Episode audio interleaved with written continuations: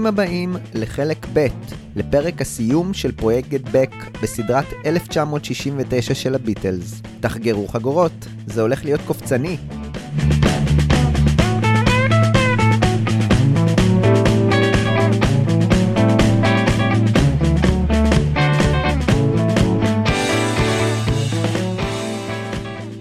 אנחנו ב-29 בינואר 1969, אה, היום ה-19 לפרויקט Get Back, יום אחד בלבד לפני ההופעה על הגג. ההקלטה מהיום הזה מתחילה כשרינגו מקריא ביקורת על האלבום הלבן. אז צריך לזכור, האלבום הזה יצא רק לפני אה, בערך חודשיים, זה אלבום חדש. אבל הביקורת אה, מצחיקה, הוא, הוא מקריא, Helter Skelter הוא קטע קשה, זאת אומרת קשוח. הוא קטע לא רגיל עבור הביטלס, שמציג אותם זועמים, עם עבודת גיטרה מצוינת. מישהו אפילו צעק שם, יש לי יבלות על הידיים. יוקו מנסה להבין משהו שקשור בהוצאה של הספר שלהם, אותו ספר שהם דיברו עליו, דיברנו על זה גם בפרק הקודם, ספר שמאגד בו כתבות עליהם ועל המיצג שהיא וג'ון השיקו יחד, You are here, והיא דוחפת את ג'ון לשאול משהו את דרק טיילור. לא, לא ממש הצלחתי להבין, זה גם לא נשמע כל כך טוב מבחינה טכנית. וג'ון עונה לה, כל מי שדרק מכיר, אנחנו מכירים גם, אל תסתחפי. נתנו את זה ל-EMI בגלל נושא ההפצה, ואם הם מבינים או אכפת להם מהספר הזה, זה לא ממש משנה. אנחנו לא צריכים לדאוג לזה עכשיו. קליין יטפל בזה. אם לא נצליח, הוא יעשה את זה, כי זה מוצר. אני מקבל מה, מהשיחה הזאת את ה... שוב, את... אמרתי ג'ון ילדותי, הילדותיות פה צפה ב... ברמות על. אתה רואה מין היסחפות כזאת, פתאום אה, אלן קליין הוא המשיח, אלן קליין יפתור הכל, אלן קליין יסדר הכל. אני שואל מעבר לזה את עצמי, מה פתאום שנשאל את דרק? האם זה המשך למה שקליין אמר? כי דרק טיילור הוא גם עלוקה מוצצת דם. לגמרי, פתאום אה, כולם אה, הפכו לאויבים מסביב. Helter Skelter is an unusually hard song for the Beatles, driving and furious, with excellent guitar work. And then brackets. Somebody screams, I've got blasters, blisters on my fingers. Asher is not interested at all in this kind of stuff. Well, just see what he says. no, so what, what, what about asking Derek? He might have some connection. No, Derek, if Der- anybody Derek knows, we know. Or Yeah, I mean, don't get carried away. It's like we've we've taken it to AMI because they've got the biggest distribution in the world, you know. And uh, whether they understand or care No, shit about the book matter. doesn't matter. The only people who are going to care about it are going to be little up and coming Mm. people, and we don't have to worry about it now. Klein could handle it if we can't get it okay. You think He might just do it because it's, he'll do it because it's a product, you know, for a kick-off. And whether he gets anything from it as well. רינגו אומר שהם צריכים לסיים מוקדם היום, שלדעתו רק צריך לעבור על כל מה שהם ינגנו מחר, יש רק שישה שירים וזהו. עכשיו הם אומרים שישה, אתמול הם אמרו חמישה, בהמשך הם יגידו שבעה. אני לא לגמרי מבין את הספירה שלהם, כי אני לא רואה יותר מחמישה שירים, אבל אה, בסדר, אני לא מתווכח. ואז הם מדברים על הסרט של רינגו כאילו שהם לא יודעים עליו, ג'ון ויוקו, כאילו הם שואלים אותו שאלות שבאמת אני כאילו לא הבנתי מאיפה זה מגיע. אתה מתחיל בחודש הבא? באמת? איפה? בטוויקנאם? וואלה. זה כאילו, זה, זה היה, אה, חבר'ה, מה, מה קורה? זאת אומרת, מה, מה הלחץ שלנו, הדדליין, למה אנחנו בעצם... אה, אנחנו הביטלס? אתה בטוח? משהו כזה. רינגו שואל את גלין אם הוא עוזב אותם ביום חמישי, וגלין אומר שכן, והוא אומר להם שאם הם ירצו לעבוד בסוף השבוע, הוא יישאר בשבילם. לנון אומר שהוא לא רואה אותם מסיימים להקליט את האלבום בימים שנשארו בסוף שבוע. הוא אומר לו שהוא הגיע לאלבום הכי קשה מבחינת היחסים ביניהם. גלין אומר שהוא שונא להשאיר דברים באמצע, ושהוא לא אוהב שאנשים אחרים ממקססים דברים שהוא הקליט. אף טכנאי לא אוהב לעשות את זה. אז לנון אומר לו שהם תמיד נמצאים במיקסים, והם לא נותנים לאף אחד לעשות משהו שהם לא רוצים. זאת הדרך שלו בעצם להגיד, יהיה בסדר. אבל אני אוהב את זה שלאט לאט אה, השתקנות של אה, גלין ג'ונס אה, נשארת מאחור והוא מתחיל להיות קצת פטפטן, כמו שנראה עוד רגע. כן, נכון. So I'm hoping to be great tomorrow. You should finish early tonight. Just go through the numbers over and over again, what we're going to do tomorrow. There's only five or six of them. And sleep here. Start at 12. All right, Ringo. Okay. I'll That's do- what I planned. Yeah. Well, Glyn can stay on a few days too. Oh, Kevin, good. That means we we go on and on and on. Yeah. Just so When is sore your my fingers. film? 24th Is that of when? February. Mm. It's not February yet. Oh, really? Great. No, it's it's the It's twenty near of enough. twenty eighth of ninth. It's about three weeks. Where are you making it? Quick. Oh, Twickenham, so we'll be able to pop over if ever. You know Hamill was popping around. You're not leaving us then on Thursday. No. How much longer have you got? Well, I, I told him I'd get there at the weekend. so I'll go at the weekend. Wit weekend. This coming Saturday or Sunday. I mean, if you want, if you want to work this weekend, if you fancy to work this weekend, I'm sure you don't. But I mean, if you do, I'll stay for. I'll stay and work. Mm, well, we'll see. Yeah, it's down I to can't you. see anyway. us lasting out another No. straight session. Yeah. So even if we did half of it and laid off for a bit, you know, took a couple That of would be- weeks off or something. At Well, all- four or five days. How you, how long would you be there? Say. Six weeks, you see. Well, it'll be five weeks, but All right, so we'll say you, you do half the album. Work. Well, I mean, I can't see us doing the whole 14 No, no. unless a Never miracle it by happens by Saturday. by Saturday. That really would be a chip for me then. Yeah, I know, but I mean, there's plenty more. You know, Yeah. there's plenty more. And you've come in on the most difficult Time. album ever. You know, Is it sort of people-wise mm. between us, and you've got through all that with us. It hasn't been easy. This, you know. No, right.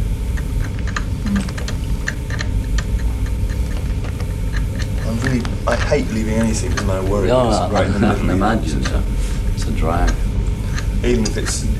I hate other people mixing stuff that I've done too. Because no other engineer really can get into a track that, That somebody else that has someone done. else has done. Well, we always remix them. You know, we're always there for all the remixes. We never let anybody do any of them. גלין שואל אם הם היו עם אלן עד מאוחר, לנון אומר שעד חצות, עד שהם סיימו ללבן את כל הסוגיות. גלין שואל אותו אם הם פגשו אותו לפני כן. לנון אומר שהוא פגש אותו לפני כמה ימים, ובנוסף גם בהקלטות של הקרקס של הרולינג סטונס. ואז יוקו שואלת אותו, מה, פגשת אותו אז? לנון אומר, כן, כן. בחור מוזר, לא? אומר גלין. גלין כאילו, הוא אומר את זה, הוא עוד לא מבין כל כך אה, באיזה טון לנקוט, אז הוא, הוא קצת ניטרלי. בחור פנטסטי, אומר ג'ון. אז גלין אומר, "אה, הוא נוכל מתוחכם, אבל כולם כאלה. לפחות עכשיו הנוכל בצד שלנו, אומר ג'ון. וגלין אומר, אני לא יודע אם הוא מצליח איתכם כמו עם האחרים, כי בכל זאת אתם מי שאתם, אבל הוא יכול לקחת כל דבר שאמרת ושהוא לא מסכים איתו, ולשכנע אותך לגביו. הוא ישכנע אותי תוך דקות שהפסנתר השחור הזה הוא ירוק. הוא שואל אותך שאלה, ובאמצע המשפט, אם זה משהו הוא לא רצה לשמוע, או שהוא לא מסכים עם זה, הוא פשוט ישנה נושא, וזה ממש מרגיז אותי. אגב, יוקו גם אה, זורמת עם העניין, היא אומרת לו, אם הוא יגיד שהפסנתר ירוק, כנראה שזה הקיק שלו לגרום לזה להיראות ירוק. גם אה, לנון, כשהוא אומר את זה, הוא אומר, אה, yes, he's a lip, כאילו, יעני, הוא, אה, הוא שפתיים, הוא מדבר, הוא אה, דברן.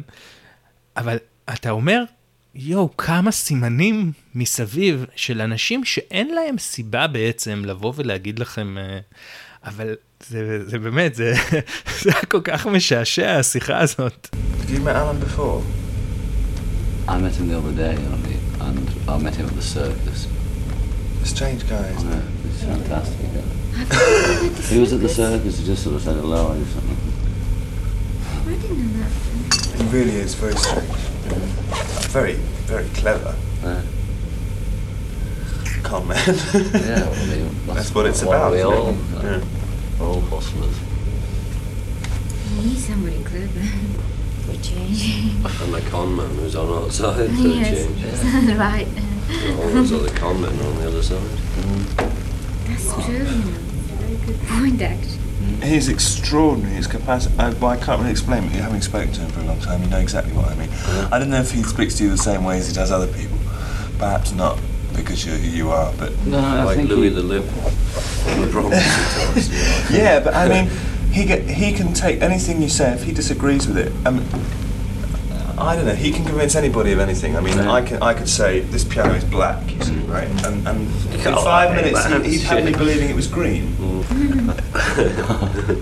That's his kick, I suppose, Yeah. you know, to make this look green. And, and he'll ask you a question, and you're halfway through answering it, and, he, and if he doesn't like the answer, or if it's not really what he wanted to hear, he'll change the subject right in the middle of a sentence. oh, yeah, I That can imagine that that. yeah. bugs me a bit actually. עכשיו מייקל לינזי אוג מגיע, ותנחש מה הוא רוצה לדעת. כמה סוכר אה, לנון שותה בתה שלו? קרוב מאוד, הוא רוצה לדעת כמה שירים יש להם מוכנים להופעה מחר. אה, מה ג'ון אומר? שאף אחד לא יודע. ג'ון אומר שישה. הוא שאמרתי, אף אחד לא יודע, כי אתמול הוא אמר חמישה. והם נכון, לא הוסיפו. עוד שיר מאתמול. אבל עכשיו, הוא ורינגו רציניים, והם עונים שהיום הם יתחילו להתכונן ולהעמיד את המופע. מייקל מתחיל לספר על התוכניות להביא כדור פורח כדי אה, לצלם, ומתחילים לדבר על למה לא לצלם מהבניינים הסמוכים, או מאיזה מגדל שנמצא בקרבת מקום, או אפילו למה לא לעשות שימוש בהליקופטר.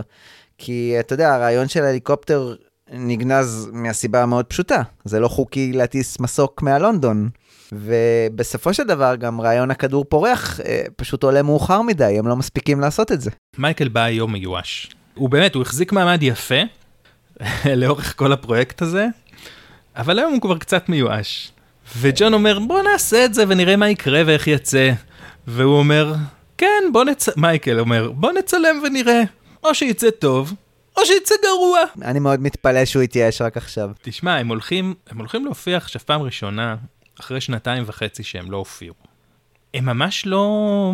כלפי חוץ, אני לא יודע מה עובר בפנים, אבל כלפי חוץ הם ממש לא אה, משדרים שום אה, התרגשות או שום... אה, רק, רק ייאוש ועייפות וחוסר חשק. אני אגיד לך למה, לעוד תופעה מעניינת ששמתי אליה לב, הרי זה כבר היום, אמרנו, דיברנו על אתמול, שג'ון הופך להיות אה, סוג של מוביל במרכז העניינים, ואתה שם לב שגם היום אה, שואלים אותו, באים אליו, מייקל שאל אותו כמה שירים יש מוכנים.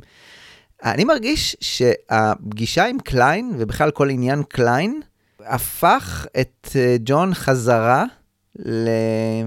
אולי זה בומבסטי קצת להגיד, אבל לסוג של מנהיג הלהקה, לפחות לכמה רגעים.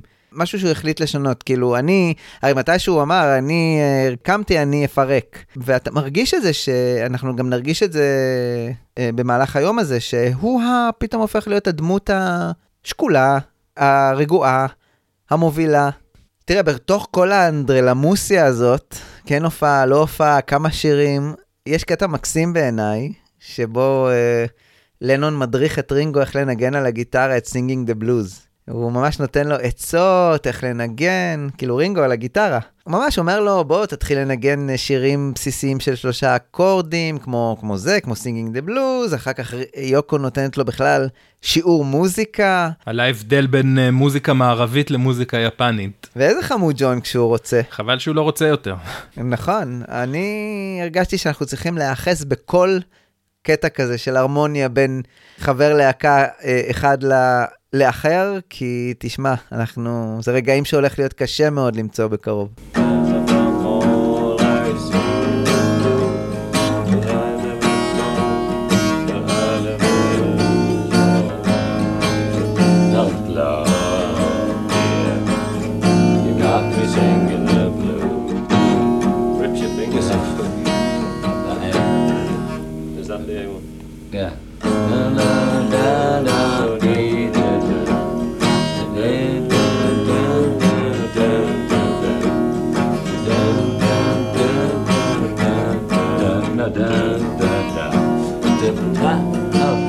Oh, I'd stay late to cry. I don't know. It's too early. I'd probably say something like cry over B, over B. Top one. E A B Yeah. A B.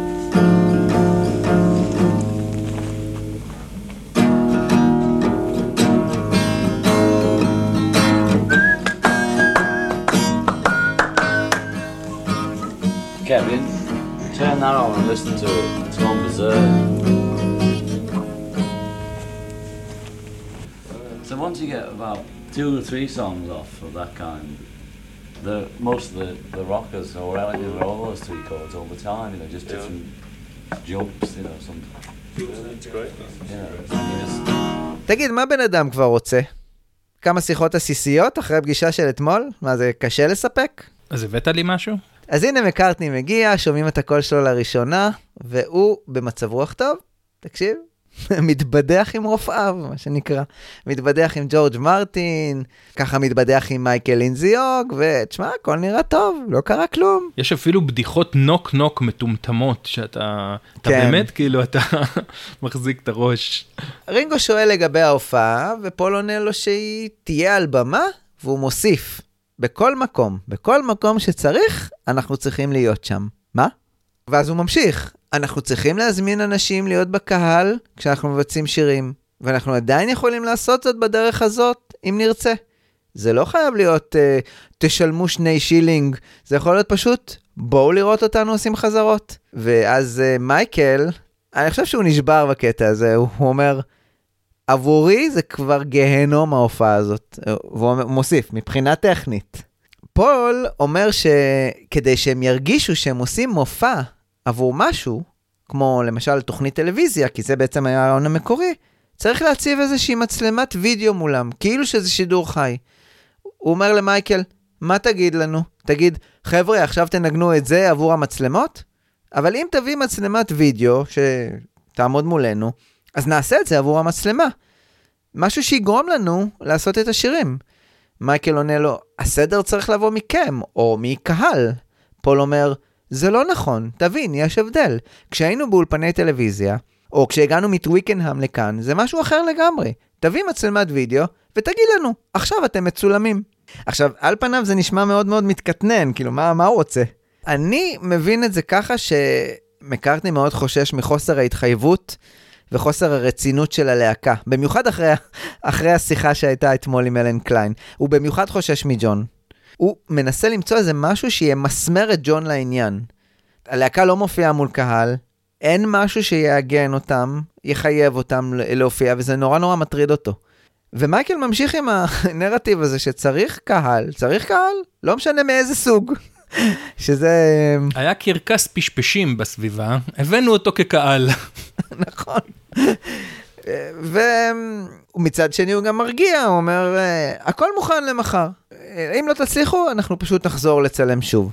פול ממשיך ואומר שלדעתו, הוא ממשיך כאילו ב... ב... בבית חרושת של הבעיות הזה שלו. הוא אומר, לדעתו צריך לבצע את כל השירים עבור האלבום בהופעה. לדעתו אין להם את הסוף להופעה. כשנסיים את זה, יש לי הרגשה שנרד מהבמה כמו שירדנו בסופו של האלבום הקודם, ואז נחשוב, עוד fucking אלבום. כי זה מה שזה. לנון אומר לו כזה ברוגע, תן עוד יום יומיים, נסיים את הכל. ג'ון מוסיף עוד איזה משפט כזה שנשמע לי כמו משפט ריכוך. אני לא יכול אה, לחכות לעבוד כאן, אתה יודע. אני לא יכול לחכות. ופול משלים אותו, כן, אה, לעשות את זה. ואז אני מבין ששניהם מדברים בכלל אולי על דברים שיקרו אחרי הפרויקט, להמשיך לעבוד פה ב- ב- באולפנים האלו. ואז פול אומר, כן, אבל אני מדבר בדיוק על הדבר הזה, הדבר הזה שנכנסנו אליו עכשיו. אנחנו לא מכוונים לשום דבר חוץ מאלבום. שוב, המטרה היחידה שלנו אי פעם היא אלבום, שזה דבר מאוד לא ויזואלי. זה נהדר, ואנחנו עושים אלבומים. וג'ון אומר, אלבומים זה מה שאנחנו עושים כרגע, על זה דיברנו. פול אומר, אנחנו עושים אלבומים כארבעתנו, אבל אני באמת חושב שאנחנו יכולים לעשות עוד דברים. כל פעם שאני מדבר על זה, אני נשמע כמו איזה כתב שמנסה להציק לנו לעשות קאמבק של אה, ג'ודי גרלנד, השחקנית ששיחקה את דורותי בקוסם מארץ עוץ. ועוד הרבה הרבה דברים אחרים. שחקנית מדהימה. אגב, באופן מאוד מוזר, באותה שנה, ב-69, היא אה, מתה, אה, בגיל 47 מ- מ- ממנת יתר של תרופה או משהו כזה. בכלל היו לה חיים אה, לא פשוטים. אז פול ממשיך. בוא נשנה, בוא ניכנס לאולפן אה, אה, חזותי. אני לא יודע בדיוק למה הוא מתכוון באולפן חזותי, הוא אמר את המילה vision. אני חושב שהוא, שהוא מתכוון בואו נפסיק, בואו נפסיק לצלם פה ונחזור נגיד לטוויקנהאם. או, או משהו כזה. מה שנקרא, הוא לא לומד. אז הוא אומר, כן, בוא ניכנס לאולפן אה, חזותי, למשהו עם vision. אני גם חשבתי שאולי הוא מתכוון למשהו עם חזון יותר. אחרי שלמדנו את כל העניין הזה, זה, זה טוב בדיוק כמו סאונד, זה אותו, זה אותו הסוג של חשיבה. ג'ון אומר לו, אני חושב שזה טיפשי לזוז עכשיו מהדבר הזה. פול אומר, אבל היו לנו טייקים הרבה יותר טובים כשזזנו מטוויקנהאם לכאן. ג'ון אומר לו, כן, אבל אני... אני אוהב את זה כאן, זה כמו בית. פול אומר, אבל כן, הטייקים שלנו לא כל כך טובים. אני חושב על התרופה. ג'ון אומר לו, אבל זה תפקידו של גלין. פול, והוא עשה את זה, כל אתמול, וכל ההקלטה של Get Back, כמו שאמרת, אבל, אבל אנחנו לא בתוך זה. ג'ון אומר, תלוי ביום.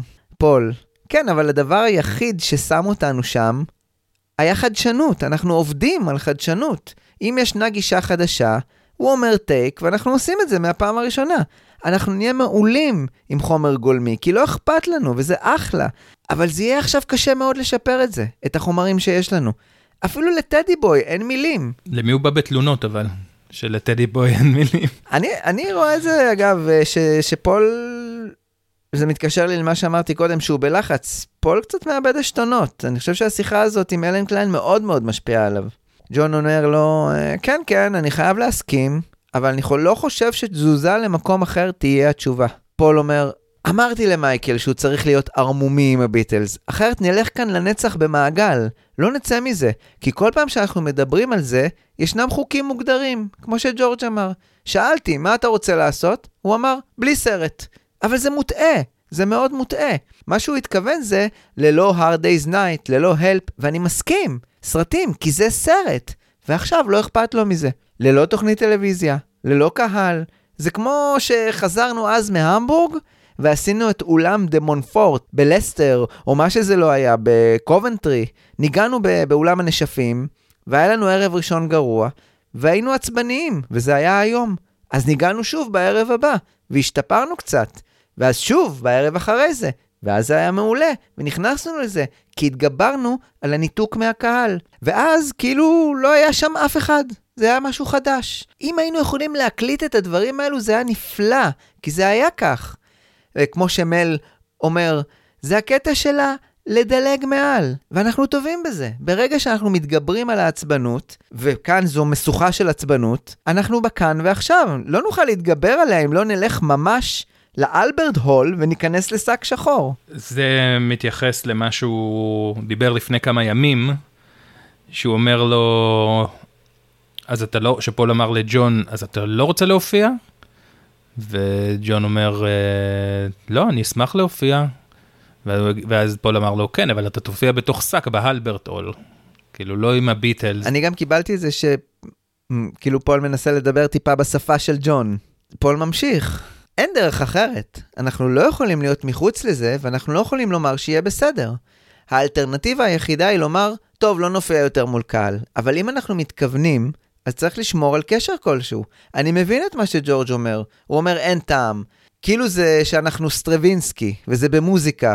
והוא הרי לא נעמד ומנגן את אה, ג'ואנה שלו עבורם יותר, הוא רק כותב, ואולי לפעמים הוא מנצח. ג'ון, אבל כל עוד יש סיבה טובה, למשל, ג'ורג' רוצה לעשות מופע עם דילן ופרסלי וכל זה, זה יהיה משהו גדול. פול, זה אנחנו שוב משתטים. ג'ון, אני חושב שאולי נעשה את זה. פול, כן, בטח, הם יכולים לעשות את זה, אחרי שאתה תעשה את שלך. יש הופעה שצריכה לצאת ממה שאנחנו עושים כאן, וזה מדהים, פשוט לא ייאמן. ואתה לא חייב לעלות לגג, אתה לא חייב ללכת לשום מקום, אתה רק צריך לשיר.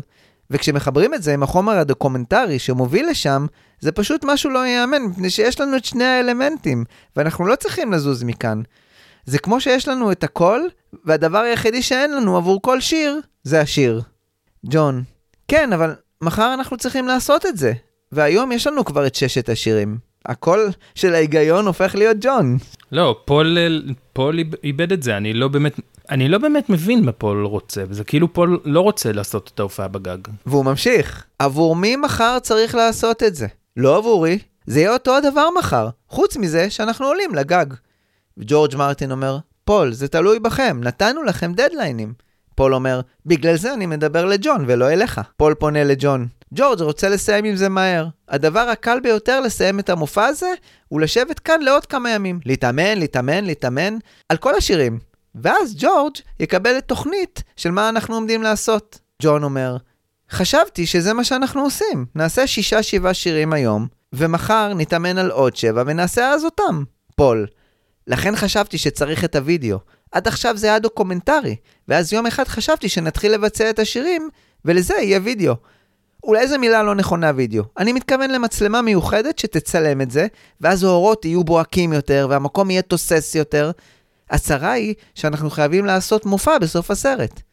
הצרה, כן? לאף אחד מאיתנו אין מטרה, או משהו שהוא רוצה לעשות, כי זו המטרה, וזה בסדר. ואם אנחנו לא רוצים הופעה בסוף, אז צריך להבין את זה סופית. פול, מה אתה רוצה? אמרתי את זה למל הבוקר, כי מל סיפר שהיה לו חלום שאנחנו מופיעים, ואמרתי, אני מת שננגן את השירים האלו אחר הצהריים לכמה אנשים. הם ייכנסו, נהיה על הבמה, הם יאכלו סנדוויצ'ים וישתו, ואנחנו נופיע. וכשנרצה לעשות טייק, נעשה טייק. אנחנו יכולים לעשות את הופעת הדה מונפורט שלנו. ג'ון, זה יכול להיות הדה מונפורט שלנו. נעשה את הטייק כאן בחזרות. פול, ואולי כמה הופעות עד שנפגע בזה. נתגבר על העצבנות מול הקהל, ובפעם השלישית נעשה את זה. ג'ון, ככה זה עבד ב Rock and Roll Circus, עשינו את זה שלוש פעמים. שמע, אני לא יודע מה להגיד על השיחה הזאת. לא, זו גם שיחה שלא... היא באמת לא מובילה לשום מקום. נכון, אבל שים לב שאלן קליין עומד מעל השיחה הזאת, אלן קליין רוחו מרחפת מעל השיחה הזאת, לפחות איך שאני רואה את זה, אבל שום מילה. פול לא מזכיר את, ה... את הצירוף אלן קליין, הוא לא מזכיר שום דבר על אתמול, גם כשהם ממש מתחממים. הם ממשיכים את השיחה הבלתי נגמרת הזאת. פול, אני לא יודע בראש באיזו דרך נלך. ואז ג'ורג' הריסון מגיע ומתנצל על האיחור. ג'ון ממשיך, אני חושב שנהיה טיפשים לא לעשות את זה. צריך לעשות משהו, גם אם זו חזרה גדולה. נראה איך זה הלך, נראה איך נראינו, אם זה יהפוך להיות חצי מהמופע, או חצי מהמוצר, אז בסדר. ואם לא, אז זה לא שונה מאף יום אחר שבו ניסינו לעשות אחד אחרי השני. אם היו לנו עוד שישה שבועות, אם היה לנו חודש לנגן ולהעמיד 14 שירים, זה היה נחמד.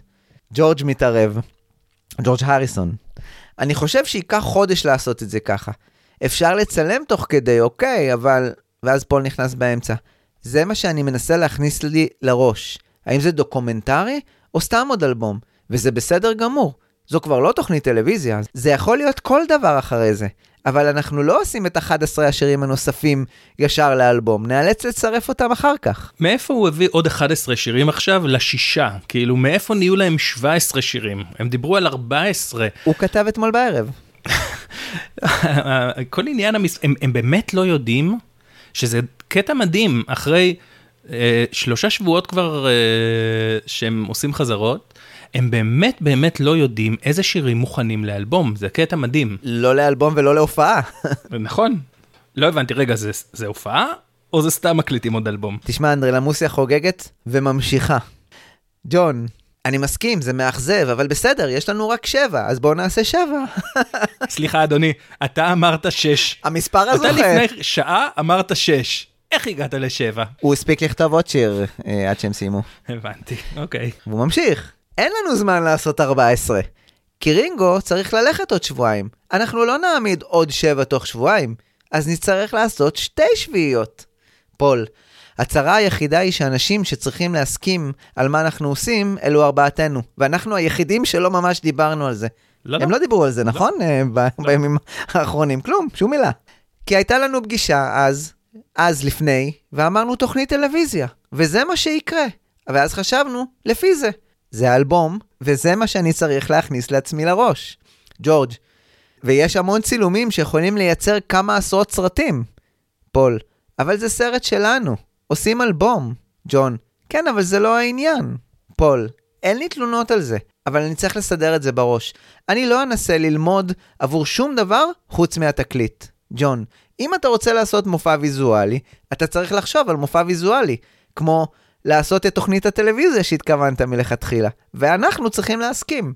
פול, אנחנו לא ממש רוצים לעשות מופע ויזואלי. גלין, אין שום סיבה שלא תעשו תוכנית טלוויזיה. תעשו את זה עם השירים האלו, אחר כך. פול, תוכנית הטלוויזיה הזאת הייתה אמורה להיות תוכנית טלוויזיה של האלבום האחרון, האלבום הלבן. אבל כשבאנו לעשות את זה אמרנו, בוא נכתוב שירים חדשים. זה די מדהים אגב, כאילו, כשחושבים על זה, שבאמת הת- התוכנית פעולה שלהם הייתה לעשות הופעה עם שירי האלבום הלבן, ובתקופה ממש ממש ממש קטן, קצרה, הפך ל... אנחנו חייבים להביא שירים חדשים. כי כמו שאמרת, האלבום יצא לפני חודשיים בסך הכל. אה, אנחנו דיברנו על זה בפרק הראשון של, אה, אה, של הסדרה הזאת של 69, על בעצם סיבוב הופעות של שירי האלבום הלבן. גלין ממשיך. העובדה היא שאתם מנגנים את אותם שלושה ארבעה שירים כבר שבועות, ולכן ניסיתי לומר לג'ורג', תעשו שלושה יחד, ככה שלא תעשו רק שיר אחד, אלא שלושה. היום אולי נתחיל עם עוד שיר חדש, ואז מאוחר יותר הערב, פשוט תעשו את שבעת השירים שיש לכם. פשוט תעשו אותם, אל תחשבו, פשוט תעשו אותם ישר ולעניין. ג'ורג', כמה כבר הקלטנו עד עכשיו טוב מספיק? ג'ון, כלום. ג'ורג', כלום? מה עם כל הזמן שעשינו את גט בק? ג'ון, כן, אולי אחד היה בסדר. ג'ורג', רוב אלו שעשינו, הגענו לנקודה של כמעט זה. ג'ון, יש את זה שלך ואת גט בק.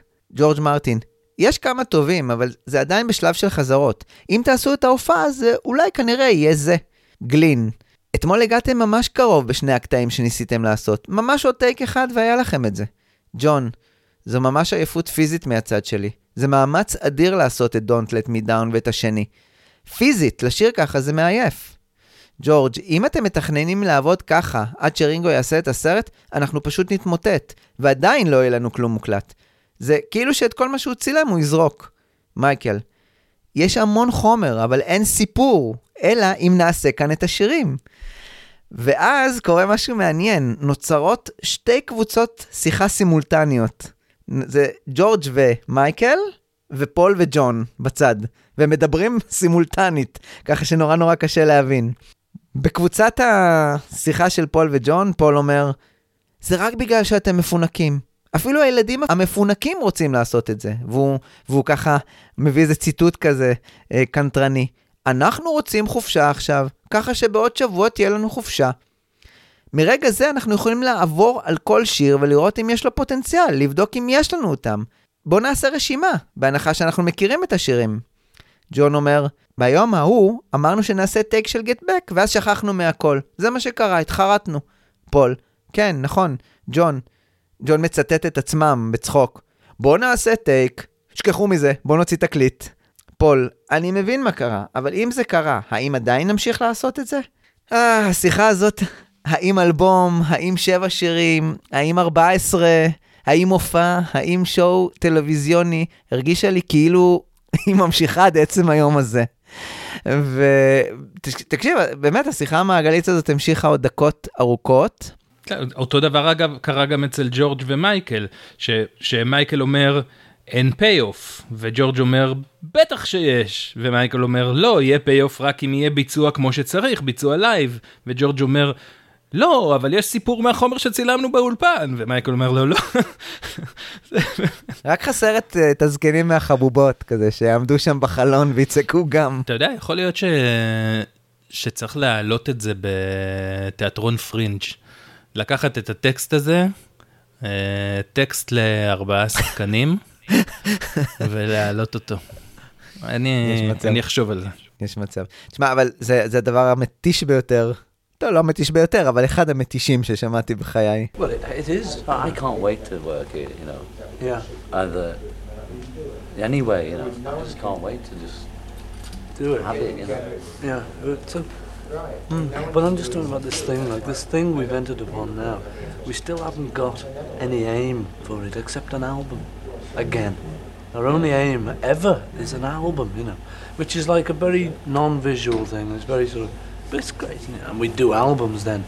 But but But albums is what we do at the moment. Yeah, but I, I don't know. You know, Well, like I, like I was saying the other day, you know, is about. that you, is that you know we're into albums as the four of us, but I, I really think you know, I mean, we can be into other things, but every time I talk about it, I really sound like I'm the showbiz correspondent trying to hustle us to do a Judy Garland comeback, you know. But really, all I mean is, uh, well, look, let's get let's change, or let's go into a studio, like a, a vision studio, after we've learnt all of these. That's just as good as this for sound. We've got the same sort of I things. think it's daft to move on this one. I mean, move. But it's like we got much better takes after we moved from Twickenham to here. Oh yeah, but I mean, here I like it's like home. But Yeah, sure, but our takes are getting not as good. So I'm just trying to think of he a remedy. it, Mate, surely the point. Which the he has reason why I been doing think- all yesterday, and, you know, and get back, like you said, you know, we're not in it. Yeah, well, But the thing that that puts us in day. it, the thing that puts us in it, the thing that ev- only everything that has put us in it, is a novelty. We, you know, we're very, we work on novelty. If there's a new approach, if he says take, we take for the first time. Oh, you mean we're going to be great? And they're rough dubs these, so we don't care, you know. And it's great. I'm now. Uh, it's going to be very hard to better those that dub we've got. There's just so much in it, you know. Even Teddy Boy, you know, not having words. It's just there's so much in all of that. Yeah, You know, it's I- like it's gonna be hard to agree, but I better it. another move is going to be the answer. You know, see, I said to Michael that he should like he should really just just black this, make this place black one day, so that when we come in in the morning, it's what is it? I mean, you know, it's, it's you've got to be sneaky with the Beatles, you know, or else we'll just go on forever in the circle, you know. We really won't get out of it. Because, you know, the, we, whenever we talk about it, we have certain rules, like George saying, what do you want to do? And he says, no films. You know, but it's wrong, though. It's very wrong, though, because you don't know. He says, what he means is no help hard days, not, you know. And I agree, you know. But, like, no, films, because this is a film. And he now doesn't mind this, you know. But it's like, it's that kind of thing, like no TV show, no audience. But, I mean, see, it's like, when, when we came back from Hamburg and did Leicester de Montfort Hall, or wherever it was, Coventry, you know, we played the ballroom and we had the worst first night thing and we were all nervous and it was terrible. Then we played another the next night, it was got a little bit better. The next night, mm, and then the next night, it was just fucking too much. And we were playing and because we got over the hang of audience. It was just like there was no one there, but it was a, no, a new sort of thing and there was some fella in the front watching how you're playing. You know, and you just, and you, we were just right into it. And those will have been, if you could have recorded those things, you know, they will have been the greatest because it is, it's like Mal saying, it's it's that bounce thing, you know. And we're good at that, you know, once we get over the nervousness. But it's like there's the hurdle of that nervousness is there now. So the, you know, when we can't get over it now, you know, unless, well, you know, unless we really sort of like go to the Albert Hall and get in a black bag, you know. You know, I do understand George just saying, well, there's no point, you know, because it like is it is like where Stravinsky, and it's in the music, you know, and he doesn't sort of get up and play his Joanna for them anymore, you know. He just writes it and sort of maybe occasionally There's a conducts good it. reason, like George wants to do the, the, the heavy show, with Dylan and Presley, all that. Mm. Yeah, that'd be a match. Like, I mean, that's. Mm, yeah, I know. Yeah. that's always that's Okay, always yeah. just that's us again, you know. Yes, I know. It's us us going silly again. It isn't. I think. I think we It's- might do it. Yeah, sure, but I mean the thing is, they could do that one after you've done Yes, yeah. your own one. But I think. Uh, you know, it's like it's like there's this thing, man. There is a show to be had out of what we've got here, which is just so incredible. It's unbelievable, and you don't have to go on the roof. You don't have to go anywhere. You really only have to sing them. And combined with the documentary material of leading up to it, it's just an un- unbelievable thing, because you'll have the, you'll have the two elements, and you've got it there. And there's no, we don't even need to move from here, you know. No, But somehow we need to get us for the. See, it's like we've got all the lead up. The only thing we haven't got for every song is the the song yet. Yeah, but it's like you were saying know, before. get back to the like, nearest. Tomorrow's meant to be the, the day we do it Today is we've got to get the six or however many numbers ready that we can Yes, do. but for who is tomorrow the day we've got to do it? Not for me. you know. That's Because what I we mean. There's decided on nothing. the Well, day. there'll be nothing. It'll be the same tomorrow. Except for we'll, we'll Except have we'll to go on the take- roof. You know, we're going on Well, the even roof. if we This stay business here- of a deadline, though, Paul, is up to you, really, because we've, we've given you deadlines. I mean, the already. Yeah, well, I'm, deadline that's will why be I'm talking to back John, not against you. the wall, You know, you know. that's it. בקיצור, הם מחליטים לעשות איזושהי רשימה של כל השירים שיש להם. פול שואל אם יש רשימה, אומרים לו שלא, והם מתחילים. כל אחד זורק את השירים. אז יש את I've got a feeling, יש את Don't let me down, יש את Get back, סבבה? זה שלושה שאנחנו יודעים שהם גם הולכים להופיע איתם. ואז ג'ון אומר, יש את uh, I've got a love that's right. ויש פאוזה, כי אף אחד לא יודע על מה הוא מדבר. ואז ג'ון אומר, אתמול למדנו את האקורדים לשיר של ג'ורג'. אוקיי, ממשיכים הלאה. הבלדות של פול, The Long and Winding Road, Let It Be, ג'ורג' אומר, For You Blue, שוב פאוזה. ואז ג'ון אומר, אה, לא סיימנו את זה. זה השיר עם הגיטרת הוואי, I Love You Blue. מייקל שואל אותו, זה לא אותו שיר כמו הקודם? כן. אוקיי, אז זה אותו שיר. ממשיכים, זה מדהים שאת השירים של ג'ורג' הם לא כאילו עוברים הלאה. Two of us, All I want is you, Across the universe, ג'ון לא רוצה. אוקיי, מוחקים. מייקל סילבר המר, She came in through the bedroom window, Teddy boy, One after 909, ו-All things must pass. אוקיי. מייקל שואל את ג'ון אם הוא יעשה את אה, Road to מרקש, וג'ון אומר שלא, כי זה לא מוכן. פול אומר, טוב, אז יש לנו כאן 13 שירים. מייקל אומר לו, למה שלא תעשו גם את אה, Dig It? אבל אף אחד לא ממש אה, מתייחס אליו כאן ברגע הזה. פול אומר, אה, אוקיי, אז מה שצריך לעשות זה לקחת את השירים האלה, לראות שכולם מכירים את האקורדים. מייקל אומר, תשמעו, יש לכם פה את האלבום לייב. פול אומר, נכון. מרטין אומר, סדר השירים אבל צריך להיות שונה. פול אומר, נכון. אגב, פול לא מדגיש, או לפחות לא מסב את תשומת ליבם, שיותר מחצי מהשירים הם שלו. זה זכותו, הם ילדים גדולים, הם יכולים לעשות את החישוב. ואז מייקל מגיע ואומר שהוא משתגע. הוא לא מבין מה הם רוצים שהוא יעשה. אתם רוצים שאני אצלם אתכם עד שפשוט אה, נעזוב את המקום? שלא תבינו, אני שמח להשתגע, הוא אומר, זה עובר במשפחה, אבל חייבים להבין מה עושים. פול אומר, ממשיכים לעשות חזרות. ג'ורג' אומר, "אה, הוא מתכוון שהוא מצפה שנהיה על הארובה עם הרבה אנשים מסביבנו. ואז מייקל אומר שציפייה היא לא מילה שהוא משתמש בה יותר בפרויקט הזה.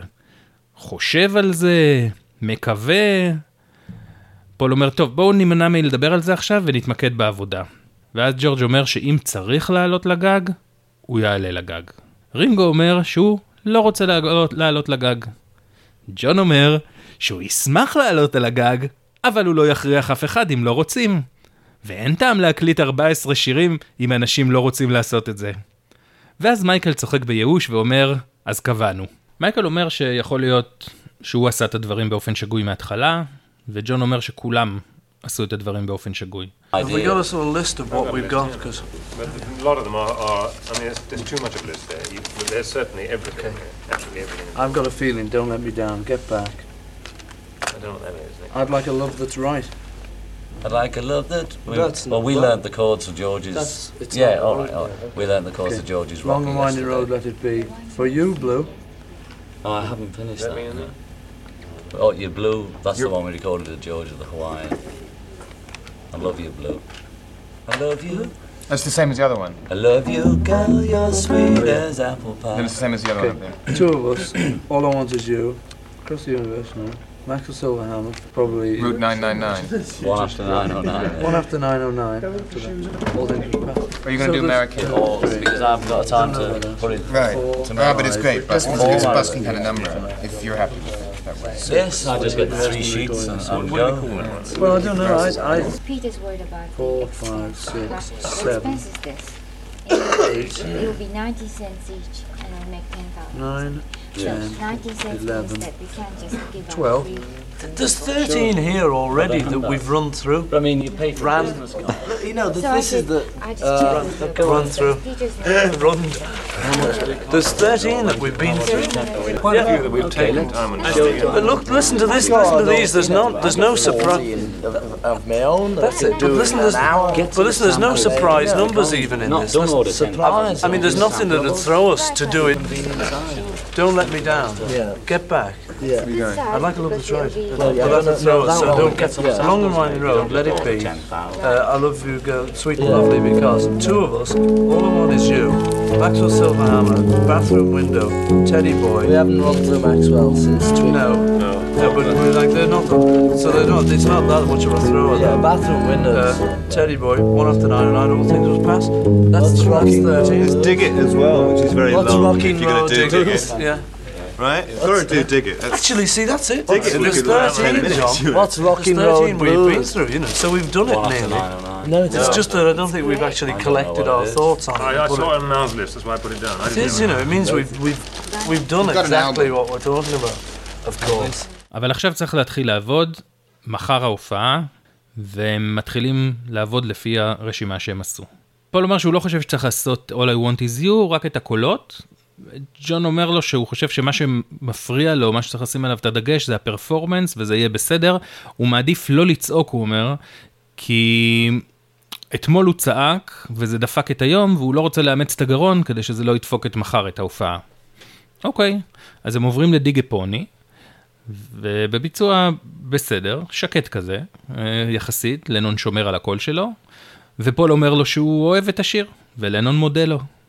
פתאום כולם מאוד מנומסים. אה, הם עוברים ל-I've got a feeling, וזה גם ביצוע בסדר, ופול מרוצה, והוא אומר, "אה, זה נחמד שאפשר לעשות אותם בשקט.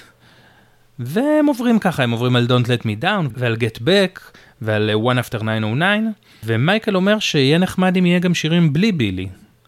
ופול אומר שיש, הוא מזכיר את Two of Us, הוא מכנה אותו ה-Country and Western, ג'ורג' אומר שזה שיר נהדר.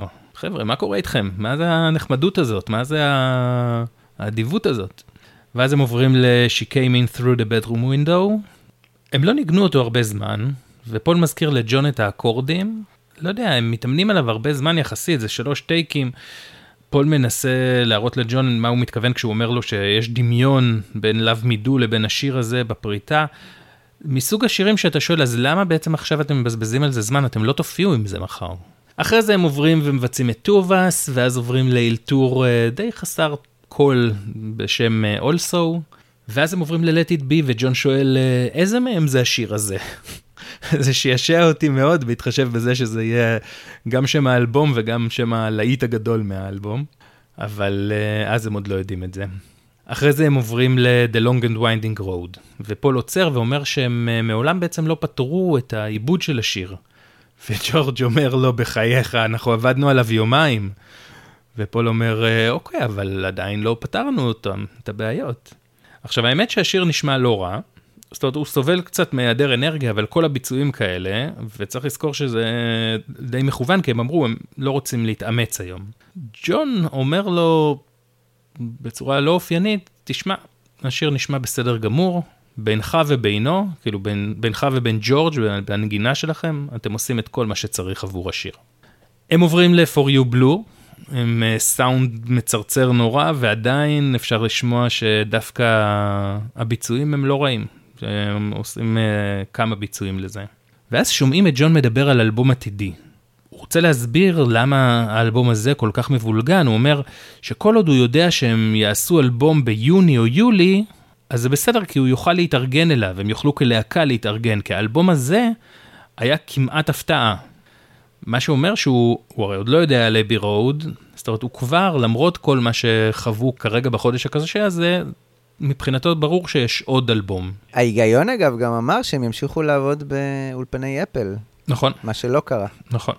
ג'ון שואל, אה, רוצים לבצע את One After 909, אבל אה, הם ממשיכים עם אה, אריסון, עם All Things Must Pass, ובינתיים בילי מגיע. הביצוע הוא לא שלם, הסאונד הוא לא טוב, ואני חוזר על עצמי מפרקים קודמים, ואולי זה כי אני פשוט כל כך אוהב את השיר הזה, אבל הביצוע הפשוט הזה, עם הכניסת התופים הרינגויים האלה, היא פשוט מרגשת אותי, זה פשוט מרגש אותי עד דמעות. כלומר, הדקה הזאת, עד שלנון לא יודע מה לעשות עם הגיטרה כשהוא נכנס והוא מחרבש שם את הכל, אבל הסאונד הפשוט של השירים האלה של אריסון, שאחר כך לטעמי ייהרס באלבום שלו, אוף, ביטלס, לא יכולתם לעשות אלבום רק של שירי אריסון. אחר כך עוברים למשהו חשוב באמת. ג'ורג' מבקש שמישהו ילך לקנות פטריות, כי זה הולך טוב עם הסלט שהוא הולך לאכול בארוחת הצהריים. ועד שיגיעו הפטריות, הם עוברים לנגן את Let It Down. זה הפספוס לדעתי. לגמרי. איך Let It Down לא נכנס לאייבי רוד? בוא תסביר לי. תשמע, והסאונד החם הזה של התופים של רינגו כל כך מתאים, באמת, הוא כל כך מתאים לשירים האלה. תקשיב, זה הביצוע לדעתי היחיד של uh, הביטלס מבצעים את Let It Down. This is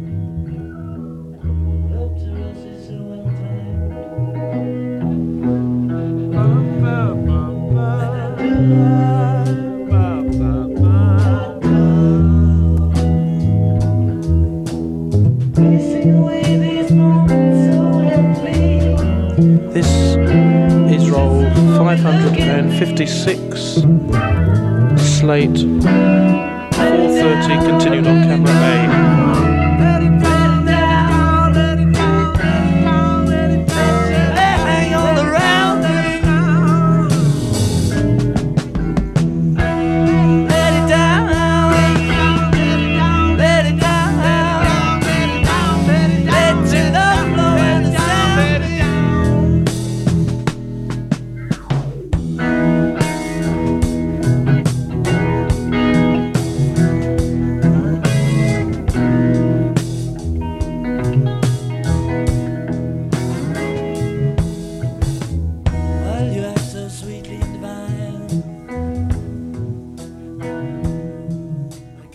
שהם ממש מנסים uh, לעבוד ולהתקדם עם It Down, למרבה ההפתעה, אבל שומעים ש...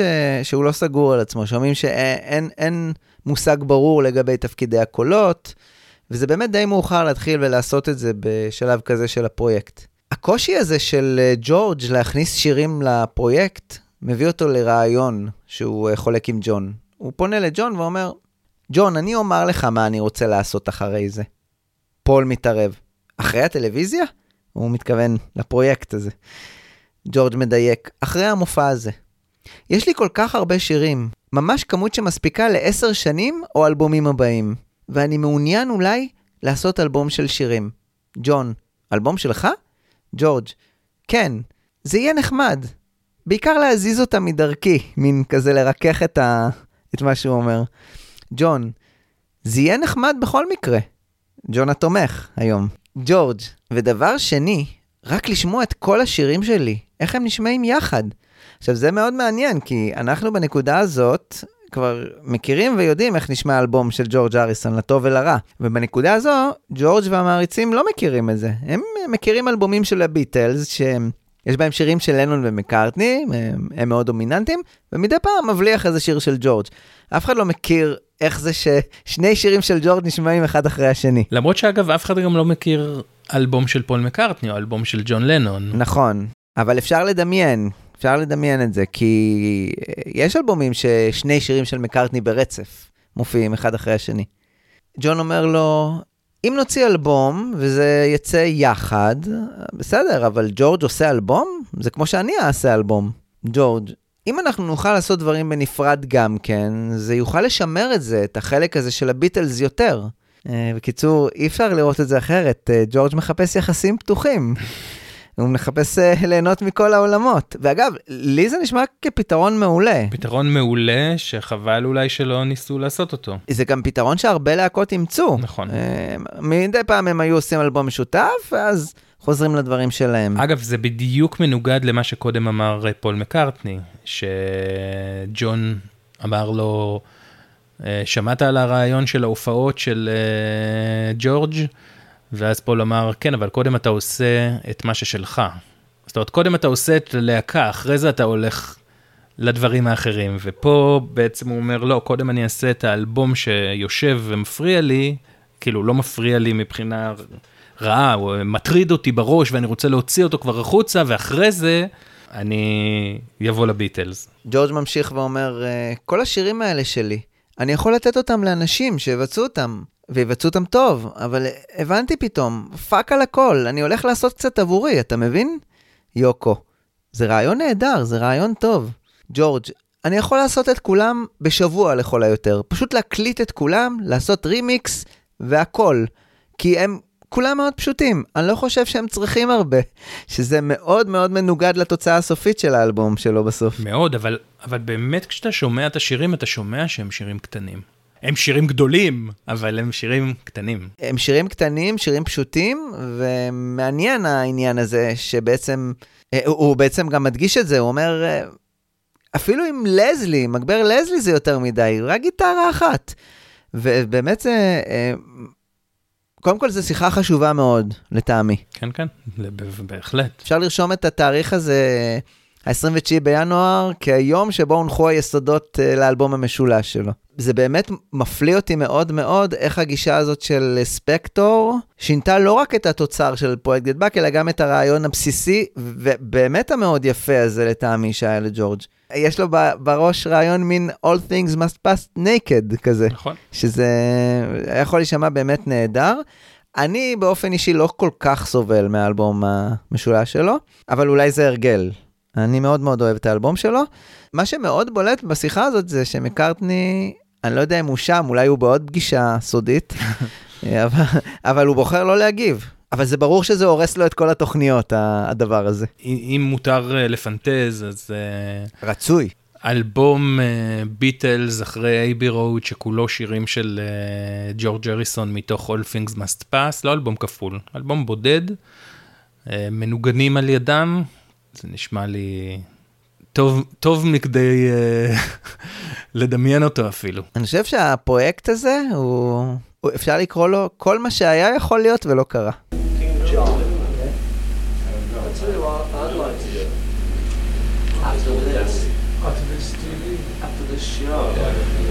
Um, you know, I've got so many songs that I've got like my quota of tunes for the next 10 ye- or years or albums. You know, I'd just like to maybe do an album of songs. On your own? Yeah. Yeah. But I mean, I'd like it so that if, uh, because it would be nice. It would be nice to mainly to get them all out the way, Yeah.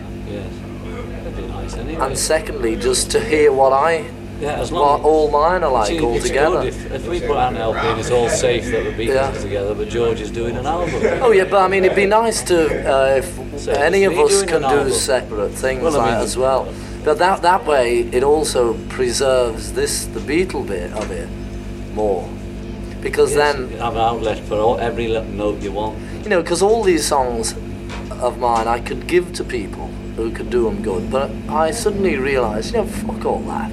Just gonna do me for a bit.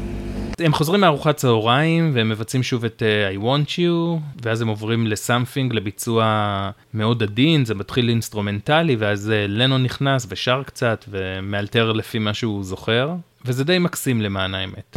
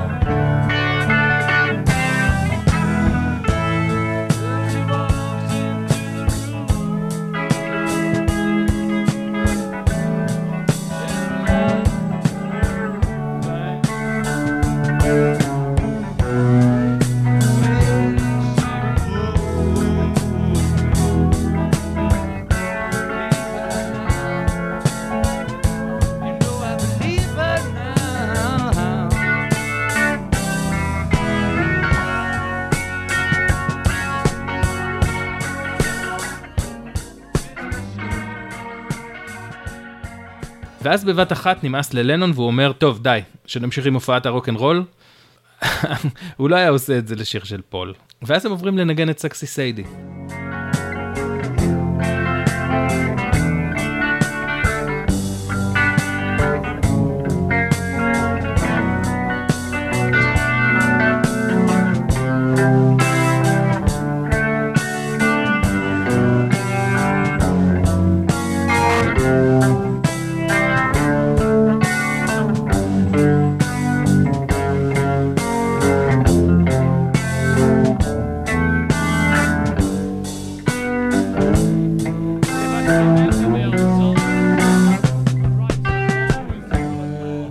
בסוף הביצוע של סקסי סיידי, ג'ון אומר, שיר ענק, תכפיל את זה. עשינו את זה כבר, אני יודע. מזל שהוא יודע. אחר כך ג'ון עובר לעשות פרודיה על אולד בראון שו, ופול מתבלבל בין זה לבין For You Blue, והוא בכלל חושב שקוראים לזה ג'ורג' אריסון בלוז. כבר לא, אין לי כבר מה להגיד על היחס שג'ורג' אריסון מקבל בלהקה הזאת. ואז הם עוברים לדיגיט, מכיוון שמלכתחילה כל הקטע הזה זה אילתור, הוא לא, הוא לא באמת זהה לשני הקטעים הקודמים, אבל הוא כן דומה יותר לקטע האחרון שהם ביצעו באותו שם. בצורה מוזרה, חשבתי שהוא יהיה מאולתר מדברים אחרים לגמרי, ג'ון חוזר כמעט על אותו אילתור שהופיע באלבום. השמות בהתחלה הם ממש זהים באופן מפתיע, למרות שזה מגיע כבר בהתחלת השיר ולא בסופו כמו פעם שעברה, ובהמשך הוא בכלל, הוא ידקלם את כל השמות שירים שבפרויקט. שזה היה די מצחיק. כן, זה די מצחיק. משום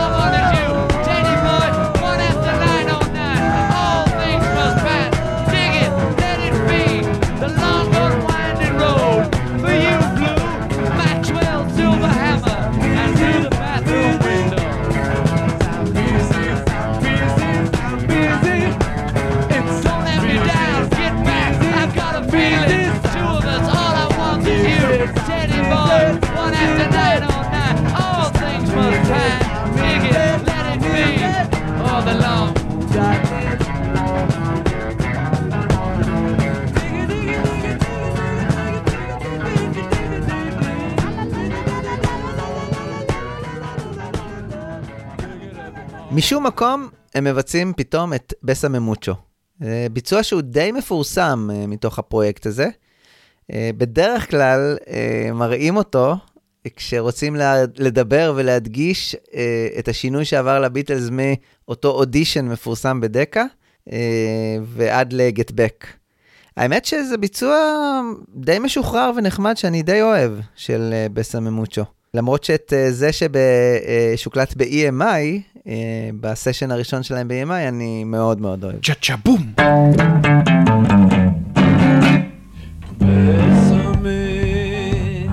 Bésame mucho.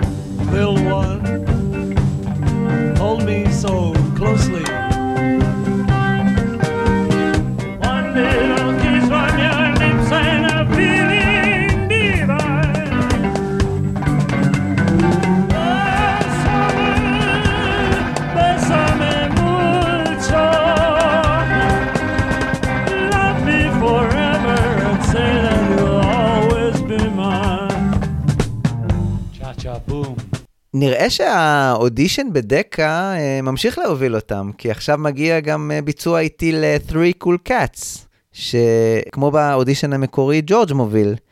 אה, מי שיאזין אגב לפרקים שעשינו על האודישן בדקה, ישמע שאנחנו שם ממש ממש אוהבים ומפרגנים לביצועים של ג'ורג' באודישן הזה. ואני באמת במיוחד אוהב את הביצוע לשיר הזה באודישן בדקה. שני השירים אגב הם של להקת הקוסטרס, שהיא להקה נהדרת. הקוסטרס הנפלאים. ואז אתה יודע שעלה לי עוד רעיון? מה עם אלבום שבו הם היו מקליטים את כל האודישן עבור דקה מחדש? איזה נפלא זה היה יכול להיות. תשמע, יש לי רעי... כל כך הרבה רעיונות בשבילם, בשביל אלבומים, שרק ישאלו. בכלל, תחשוב על אה, אלבום הקאברים של אה, הביטלס, שהם עושים, כאילו, בוחרים מהקאברים שהם עשו בתחילת דרכם, שלא נכנסו לאלבומים, ומקליטים אותם מחדש. אוף, כמה פספוסים, כמה פספוסים.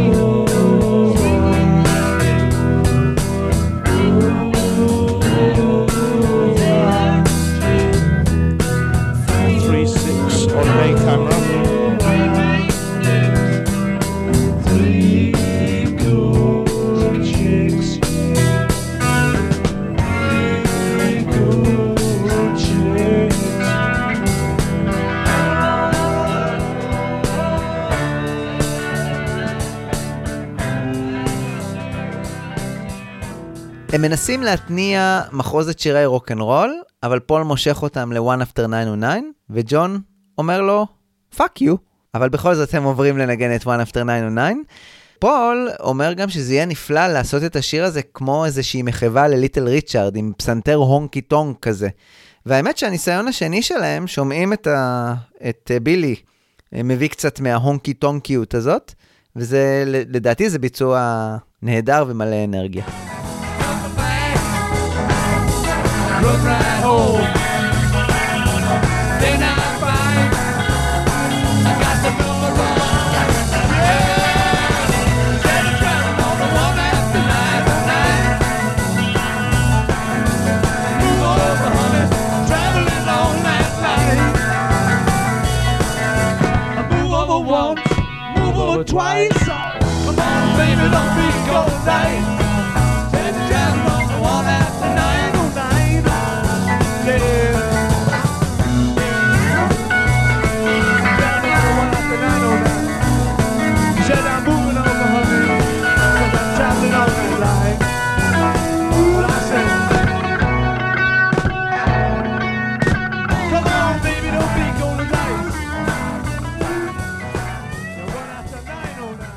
מכאן הכל הולך ומידרדר לקאברים לא הכי מוצלחים של מחרוזת שירי באדי הולי. הם uh, עושים uh, את uh, Not Fade Away, שיר שגם הסטונס אהבו לעשות, Maybe Baby, פגי סו got married. אם כבר דיברנו על אודישנים של דקה, אז את, uh, הם עושים את Crying Waiting Hopping, שגם כן uh, שיר של באדי הולי.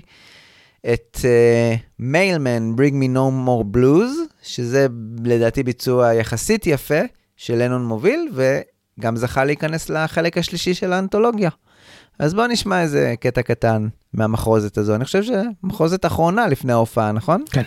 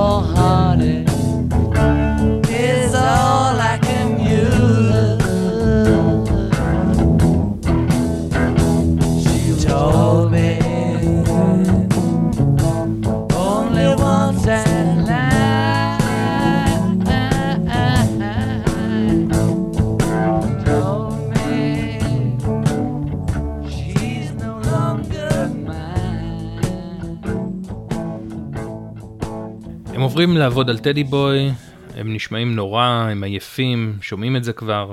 אני שוב אגיד שלא ברור לי למה הם התעקשו היום להמשיך לעבוד על שירים שהם לא תכננו להופיע איתם למחרת. והם מסיימים את היום עם אה, Two of Us, הם לא מצליחים לבצע אותו כמו שצריך. פול וג'ון שרים בקולות מעוותים, וכולם מבינים ש... שהיום נגמר. מייקל מקבל מג'ון רשימה של השירים למחר, הוא שואל, "אה, זה הסדר? לא, אומר לו ג'ון. כי גם על זה הוא לא יכול להתחייב יום לפני המופע. כשהם מסיימים, ג'ון אומר, אה, אנחנו כולנו מוכנים למחר. באלברט הול? פול אומר, כן, בטח, באלברט הול, חמש בערב, נתראה שם. וג'ון אומר לו בעוקצנות, תביא להקה משלך? למקארטני אין כבר מה לענות. אז הוא פשוט מלחין את השאלה של ג'ון, ו- ו- ומבצע אותה. Yeah. Albert Hall. Oh, sure. Yeah, Albert Hall at five o'clock. See you there. Bring your own band. Mm-hmm. Just, just nearly said exactly the same, except for band. It was all about. Bring your own band. Bring your own band, play up, lock up, and close the doors. We're going to another party, and the laws are still the laws. באופן לא מפתיע, אבל עדיין מפתיע מאוד, פול פונה למייקל וכזה סוג של מאשר מולו, אומר לו, אז עושים הופעה על הגג מחר? כאילו, זה, זה נאמר בצחוק, אבל זה נראה לי הצחוק הכי רציני שיש. זה לא היה מפתיע אותי אם זה היה מתבטל. כן, נכון, אני חושב שעד הרגע הזה, פול לא ממש בטוח שזה הולך לקרות מחר. לפי דעתי הוא בטוח שמשהו הולך להשתבש. או שג'ון לא יופיע, או שיהיה גשם, או שיבוא הוריקן ויעיף את הבניין, אני לא יודע. מייקל לינדזי הוג בטח שלא ככה ראה את הקליימקס האדיר של הסרט הזה. אה, מאוחר יותר, הוא יגיד על ההופעה הזאת, אין לה ביצים בכלל. יש לי רגשות מעורבים. אתם הביטלס, אתם לא ארבעה מטומטמים. תשמע, זה נחמד שהבמאי שעושה את הסרט שלך ככה חושב עליך. כשהם מסיימים לעבור על Two of Us, כמו שאמרת, אז ג'ון צוחק ואומר, כולנו ישנים היום אצל ג'ורג' כדי להיכנס לאווירה. ואתה יודע מה, חשבתי לרגע והבנתי משהו. עבור ג'ון, המצב די טוב. הגירושים ליוקו עברו בשלום, מחר הופעה ראשונה בציבור אחרי שנתיים ומשהו שהם לא הופיעו. יש להם אולפן חדש, שמאפשר לא להקליט ב-EMI כמו שהוא תמיד רצה. הם בדרך למנהל חדש שהוא רוצה, הם בדרך לאלבום חדש. בסך הכל זה נראה טוב. ביום המחרת אנחנו גם נראה בהופעה עצמה שהוא מלא בביטחון עצמי. הוא, הוא ממש נראה כמו מישהו שטוב לו עם עצמו. כולם נפרדים, וככה בעצם אה, רשמית מסתיים היום האחרון של החזרות עבור ההופעה בפרויקט גט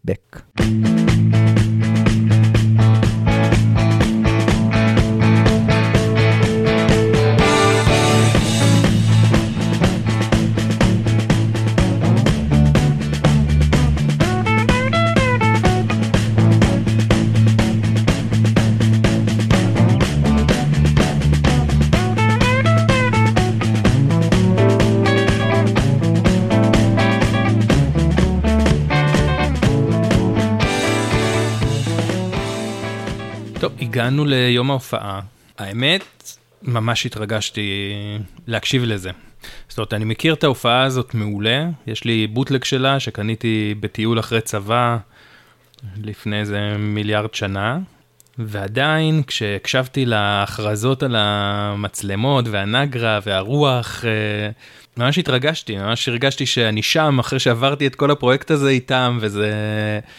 זה ממש ריגש אותי, כנראה בגלל המסע הזה שעברנו בכל הפרויקט הזה. נכון, אני, אני אחזק אותך. אני שמעתי את ה... אה, קודם כל, כשהתחלתי להאזין ל, ליום הזה, ל-30 בינואר, אה, באמת הת, התרגשתי מאוד, אה, אחרי כל מה שעברנו, התלאות, הריבים, העזיבות, לא בינינו, כן? בין הביטלס, אז... אז בסדר, אנחנו לא בסהרה, לא על אונייה, לא בערב הסעודית מחזיקים לפידים, אבל אנחנו ביום הגדול. תקשיב, זה, זה מרגש. והכל מתנקז לדבר הזה, לקליימקס הגדול, אוקיי, הבינוני, של פרויקט גט בק. ואני רוצה לומר עוד משהו אישי.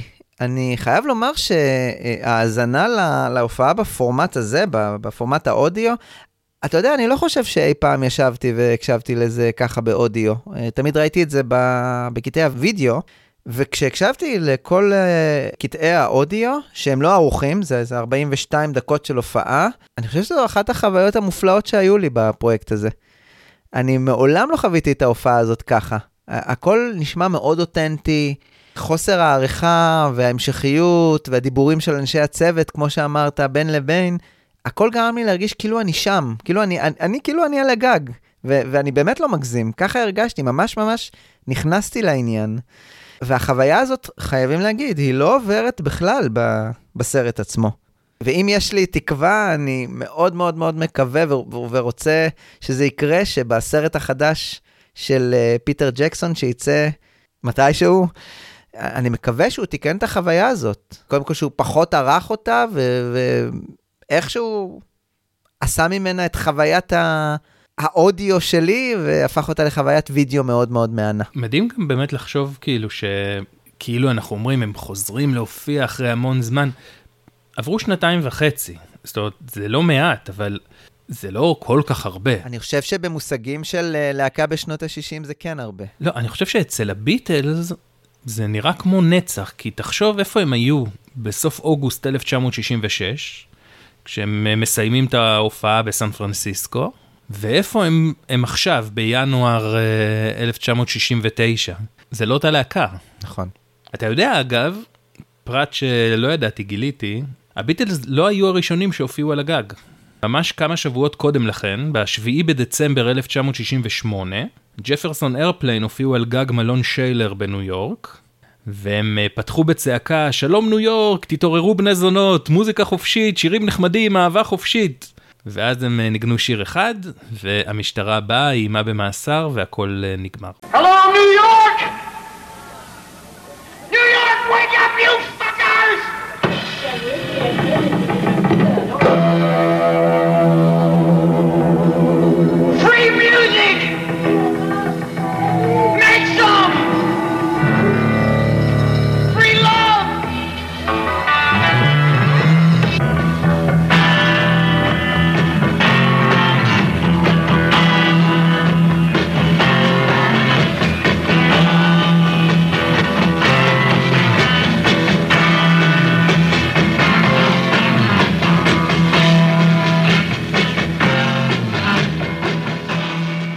ארבעה ימים לפני ההופעה מגיע מהנדס לגג כדי לראות אם בכלל אפשר לקיים עליו מופע עם כל הציוד הכבד שזה מצריך. וכדי להבטיח שהגג לא יקרוס, אה, נסקרו פיגומים ופלטות עץ על מנת לחזק את האזור שהיה קרוב לרחוב. עדיין, הגג הזה לא יכול להכיל הרבה אנשים, ועל כן ניתנה הוראה, רק מי שצריך להיות שם, יהיה שם. בבוקר ה-30 בינואר, דייב הריס וקיט סלוטר, שהם היו טכנאים של אה, EMI, יצאו מ-EMI עם רכב עמוס בחבלים, בלוקים, אמפליפיירים, רמקולים וכל ציוד שמישהו חשב שהוא הכרחי להופעה הזאת. בנוסף, מבחינת צילום, על הגג היו חמש מצלמות, חוץ מזה הייתה מצלמת רחוב, מצלמה בקבלה ומצלמה על גג אחר. אני לא חושב שדיברנו תזכיר לי אם אני טועה, על פרט הרכילות שאומר שמייקל לינזי הוג הוא למעשה בנו של אורסון ווילס. דיברנו על זה? לא. זה משהו שהוא כותב באוטוביוגרפיה שלו, ושבתו של אורסון ווילס מחזקת, אז אני לא מתחייב, אבל אתם יכולים לעשות עם זה מה שאתם רוצים. הוא אמנם אה, לא הקולנוען הגדול שווילס היה, בינינו מי כן הקולנוען הגדול שווילס היה, אבל אין ספק שאת הרצון שהכל יהיה גדול מהחיים, עם אה, שמונה המצלמות שלו לסרט הזה, הוא ירש. מצידם של הביטלס, בבוקר היום הזה, של ה-30 בינואר, מגיעים אה, קודם כל אה, קווין הרינגטון, שהיה איש התחזוקה של כלי הנגינה של הביטלס. כן, כן, היה כזה בחור. הוא מגיע יחד עם מל אבנס, כדי להציב את הכלים על אותה במה שנבנתה. אגב, אותו אה, קווין הרינגטון הוציא ספר על החוויות שלו עם הביטלס, ובמיוחד על ההופעה על הגג, הספר נקרא Who's the Redhead on the Roof? מי הג'ינג'י על הגג? הם מעלים את הציוד, כולל את אורגן ההמונד של אה, בילי פרסטון, והם צריכים להעלות אותו מהמרתף, כל הציוד נמצא במרתף, דרך מעלית קטנה ועד לגג.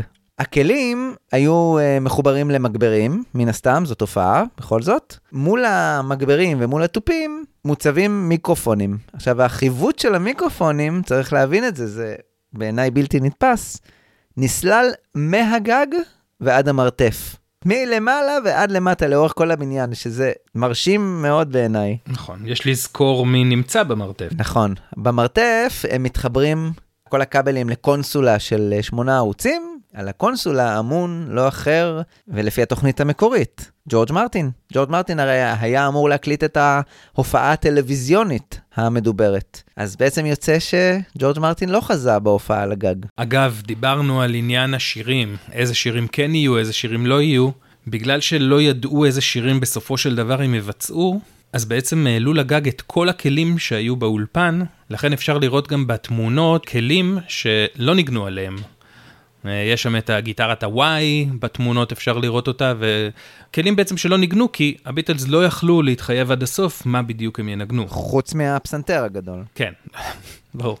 כדי לתפעל את הכל, הגיעה עזרה מאולפני EMI. הגיע אה, בחור צעיר, בן 21, שהיה מפעיל ציוד ב-EMI, בחור בשם אה, אלן פרסון. נדמה לי שלא צריך להציג אותו, אבל בכל זאת, לימים הוא יהפוך לאלן פרסון המפורסם, שיפיק אלבומים, יקים את האלן פרסון פרויקט, ישתתף בהקלטות של אייבי רוד, ושנים אחרי זה גם בהקלטות של Dark Side of the Moon.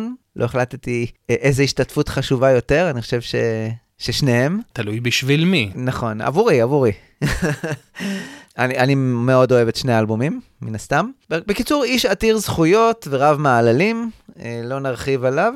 הוא סיפר, אני חושב שהסיבה להופעה על הגג הייתה לייצר קצת התרגשות. נמאס להם לנגן את אותם שירים שוב ושוב.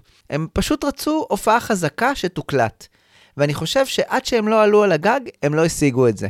או לפחות הם לא חשבו שהם השיגו את זה. הם הכריזו על זה ערב לפני כן, וזה היה פשוט, בוא נעלה על הגג מחר בבוקר. אז עבדנו עד מאוחר בלילה כדי שזה יקרה. חלק מהעבודה שלי היה להריץ את הכבלים מהמרתף ועד לגג. אגב, אלן פרסונס כתב אה, הקדמה מיוחדת עבור אה, ספר שהוציא קנת וומק, אה, ספר שיצא בשנה שעברה, שנקרא Solid State. זה ספר שמכסה יותר את הימים שאחרי הפרויקט, פחות את, את פרויקט Get Back. את הקלטת אייבי רוד. נכון, יותר את, הוא מתמקד במה הוביל לאייבי רוד.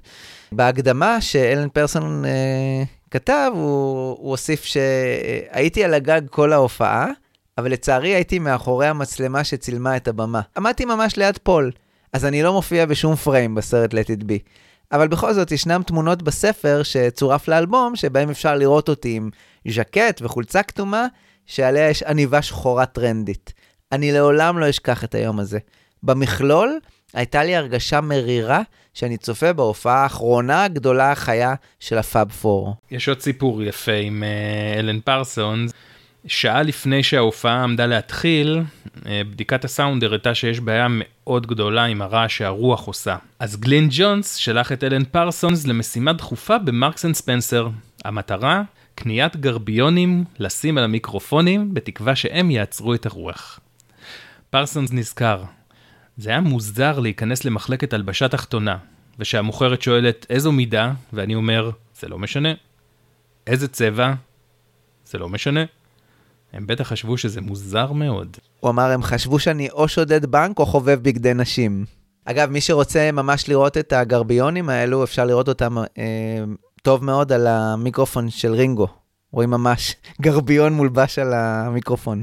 אחד הרעיונות שממש הסעיר את מוחם של הביטלס בהופעה הזו, הופעה על בניין שנמצא באזור עסקים סואן, הייתה אפשרות שהם אה, ייעצרו תוך כדי המופע על ידי המשטרה. מה שייתן להם סיום מעולה לסרט. הזכרת את ג'פרסון איירפליין, אז הם חשבו שזה יהיה סיום מעולה לסרט. והאמת שהאפשרות הייתה מאוד סבירה, כי תחנת משטרה של ה-West End Central הייתה ממש קרובה. רינגו אמר באחד מהרעיונות, חשבתי שזה יהיה נהדר אם יובילו אותנו באזיקים. זה יהיה סוף גאוני. אגב, פול אמר את זה לפני כמה ימים בהקלטות, בחזרות. נכון, זה כבר עלה. הם ממש התכוננו לתרחיש הזה, כי uh, אומרים שאחת מהמצלמות שהותקנה בכניסה לבניין הייתה מצלמה נסתרת. מצלמה בלובי הייתה על מנת שבעצם יוכלו לצלם את השוטרים נכנסים. אנחנו עוד נחזור לנושא של, ה, של המשטרה. אגב, הרחוב שבו אה, שכן בניין אפל, אה, הרי הבניין היה ברחוב סאביל רו 3. זה רחוב שהיה ידוע בעיקר בזכות החייטים המפורסמים שלו. ואחד מהם, אה, חייט בשם אה, טומי נאטר, פתח שם אה, חנות בשם House of Nutter. הוא פתח אותה ב- ליתר דיוק בסאביל רו 35A. מאוחר יותר, ב-1969, ג'ון, פול ורינגו קנו ממנו את החליפות שבהם הם מופיעים על העטיפה של אייבי רוד. מלבד הביטלס וצוות הסרט וההקלטה, מעט מאוד אנשים הורשו לשהות על הגג. בין ברי המזל היו יוקו אונו, מורין סטארקי, ושני עובדי אפל, קן מנספילד וקריס אודל. בתמונות אפשר לראות אותם יושבים על כיסאות צמודים לארובה. ניל אספינול, הכל כך אה, חיוני לביטלס, היה בבית חולים לניתוח להסרת שקדים, כך שהוא הפסיד את האירוע הזה. בחר לו יום. למרות שהם שמרו על האירוע הזה בסוד, היו שהסיקו שזה מתרחש. ראשית היו את המעריצות שזכו לכינוי Apple Scruffs, הן ראו את כל הציוד שעולה מהמרתף ואת מה שמגיע מ-EMI והן הבינו שמשהו מתרחש. בנוסף, טוני ריצ'מונד, הצלם של הסרט, הזמין את החברה שלו, והיא סיפרה על זה לוויקי ויקהם שהפיקה את התוכנית Ready Steady Go. זו הביאה איתה את מנחת התוכנית קאטי מקגוון, אבל בגלל שהניחה שלא יוכלו לעלות לגג באפל, הם מלכתחילה עלו לבניין ממול, שהיה הבנק המלכותי של סקוטלנד. עכשיו תחשבו מה הם רואים משם, זה מטורף. אתה פשוט רואה בדיוק מולך את הביטלס מופיעים. נראה לי המקום הטוב ב- בעולם בהופעה הזאת. קנאה. לגמרי. החברה של ריצ'רד אגב לא הגיעה לגג, אפשר לשמוע בהקלטות, תוך כדי המופע שמישהו אומר שהיא נמצאת ומחכה, אבל שלא נותנים לה להיכנס. הביטלס אמנם לא הודיעו על ההופעה, אבל הייתה סיבה שהם בחרו בשעת הצהריים. זאת הייתה השעה שבה האנשים שעובדים באזור יוצאים להפסקה שלהם. וממש כמו שהיה בתחילת דרכם של הביטלס, כשהם ניגנו בצהריים בקאברן לאנשים שהגיעו להפסקת צהריים במועדון, כך הם ניגנו עכשיו לאנשים שיצאו מהעבודה שלהם בלונדון, בסבל ראו. זה סמלי ונהדר. ויש עוד סמליות יפה מאוד בעיניי. מייקל לינזי אוג סיפר, תכננו לעשות את זה בסביבות 12 וחצי, כדי להשיג את הקהל של הפסקת הצהריים. הם לא הגיעו להסכמה לעשות את זה כלהקה עד 20 דקות לאחת. פול רצה לעשות את זה וג'ורג' לא, ורינגו יעשה מה שיחליטו. בסוף ג'ון אמר, או oh, fuck, let's do it, והם עלו ועשו את זה. וזה נורא יפה בעיניי, כי מה זה ה-let's do it הזה, אם לא סוג של מה שג'ון היה אומר להם בהתחלה, אה, where are we going fellas? To the toppermost of the poppermost. בדיוק, to the top ג'וני. זה ממש כאילו, זה ממש היה לי מין, אה, הנה אנחנו סוגרים מעגל. נכון, אבל זה גם מראה בעצם על, ה... על השינוי הזה שעובר על אה, לנון בימים האחרונים. ה- המנהיגות הזאת שהוא תופס שוב חזרה ללהקה. הוא לגמרי המנהיג על הגג. אז הם עולים לגג, נעמדים על הבמה, לנון אה, מגיע לבוש במעיל פרווה, אה, מפני הקור האדיר שהיה שם, בכל זאת זה ינואר בלונדון. מקארטני עם החליפת אה, טומי נוטר, האהובה עליו. על גיטרת האופנר שלו היה מודבק פתק, שעליו היה כתוב ה-set list מההופעה האחרונה שלהם בקנדלסטיק פארק ב-66. רינגו, שקפא מקור, השאיל את המעיל האדום של מורין, והאריסון מגיע הכי טרנדי, מכנסיים ירוקות, מעיל פרוותי שחור. אגב, את כל ההופעה האריסון מנגן בכלי אחד, על הפנדר טלקסטר האדומה שלו, כלי שנבנה במיוחד עבורו. אני יכול לנחש איפשהו שהריסון בפוזיציה הזו, סיפרת שהוא לא ממש רצה לעלות, הוא במצב רוח שנוי במחלוקת. בשלב הזה הוא גם יודע שאף שיר שלו לא יבוצע בהופעה הזו. אני כל הזמן חושב כמה מדהים היה להיות שם ברחוב, לעבוד שם בסביבה, להיות אחד האנשים על הגג, האנשים שיצאו לחלונות. וואו, איזה מטורף. למרות שאתה יודע, אי אפשר כאילו, אף אחד לא יכול לדעת שזה הפעם האחרונה, או זה, אתה לא, כשאתה נמצא שם ב, ב, ברגע הזה, אתה עדיין לא יודע, כאילו, אז הביטלס מופיעים, שזה להיט ומגניב, אבל, אבל אין את זה, זה עוד לא עמוס בכל הסמליות שזה יקבל אחר כך. אנחנו מוכנים? נתחיל? כן, אני חגור. שתי מטר אה, מרחק? ודאי. מסכה על הפנים? ודאי. מעולה. אז בוא נשמע את הרול אנאונסמנט של אה, איש הסאונד בתחילת ההקלטה, שמציין שזה השואו דיי, כאילו שזה הפלישה לנורמנדי, ה-D-Day. This is roll 562A, guide track, guide track on the show day. For cameras A, four cameras, one is wild. אני כבר ממש מתרגש, הביטלס כבר על הגג, מחממים ידיים, לוקחים את הכלים, מתכוננים להופעה. בוא נשמע את, ה... את הצלילים הראשונים.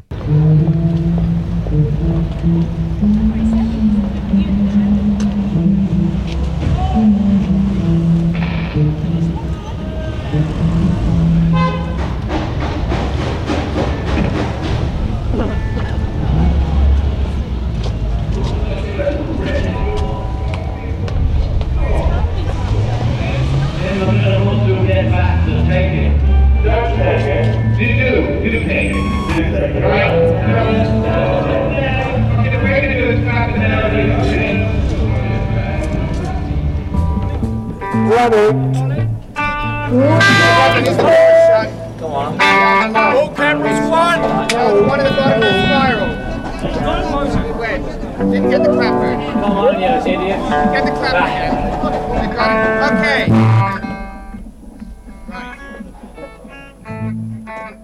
מה שאנחנו נשמע זה שלא מדובר בעצם בהופעה רגילה בפני קהל, לא משנה כרגע אם הוא מומצא או קיים. כי בעצם כמעט בין כל השירים יהיו הפסקות, איזושהי גלישה פתאום לאיזה אילתור או שירה, זה, זה כאילו, זה, זה, זה קצת דומה ליום הקודם, שהם ניסו לעבור שיר אחרי שיר, פשוט בחוץ. עם האנרגיות שזה מביא, וזה מביא אנרגיות הרבה יותר טובות משהיה באולפן. נכון, מתחילים עם גרסה ראשונה ל-Get Back, גרסה באמת שהייתה קצת פחות טובה מהגרסה המוכרת, אבל אי אפשר לקחת ממנה את זה שהיא הגרסה הראשונה שמבוצעת בהופעה על הגג.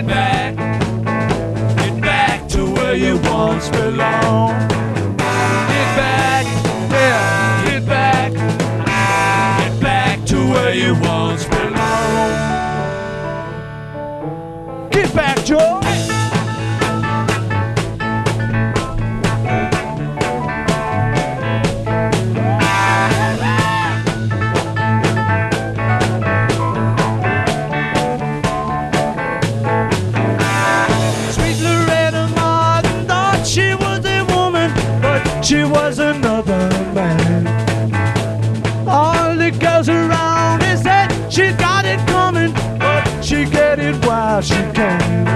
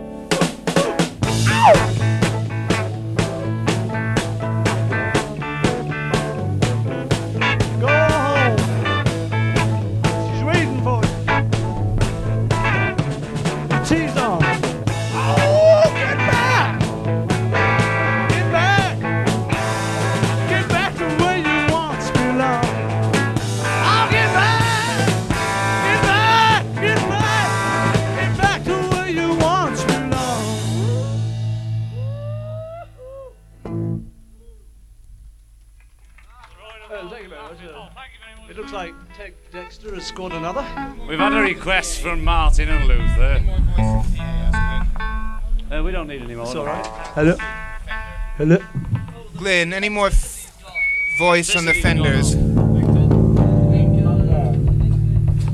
What?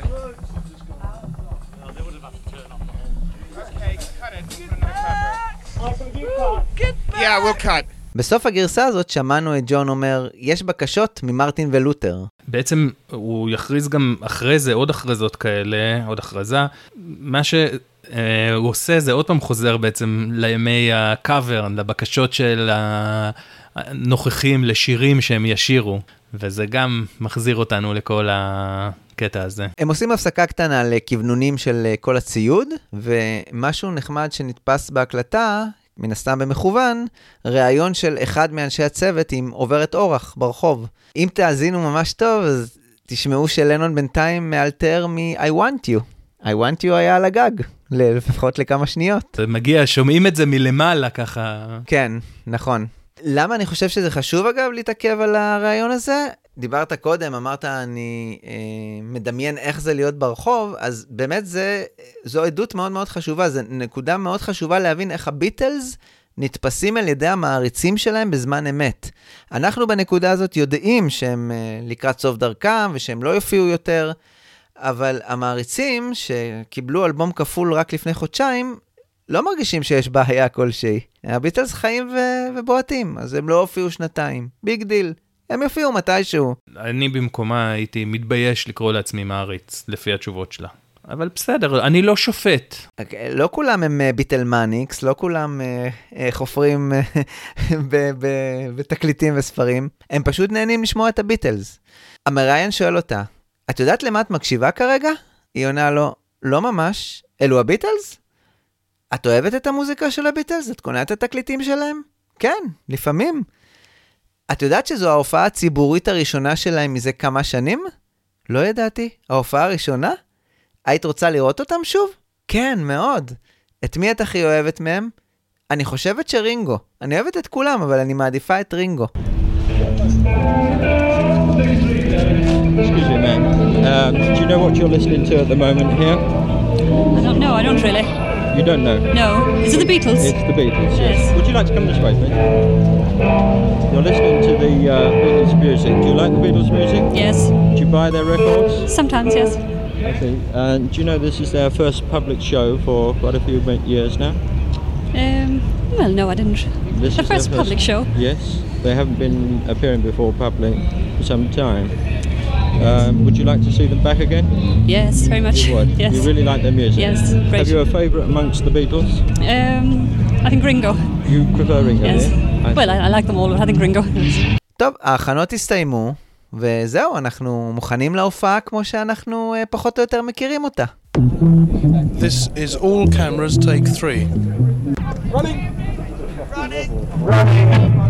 Georgia was a man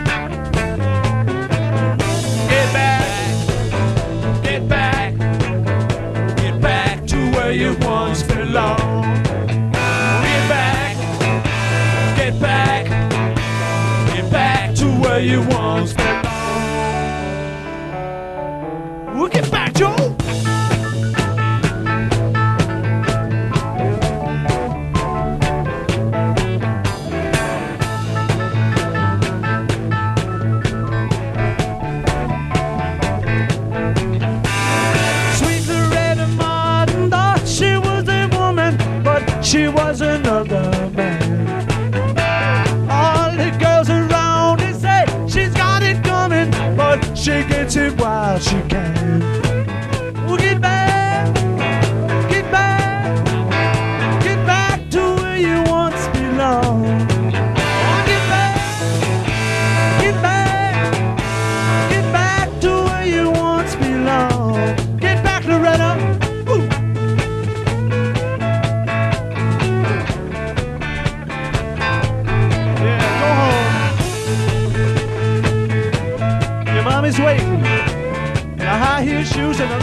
better get back around.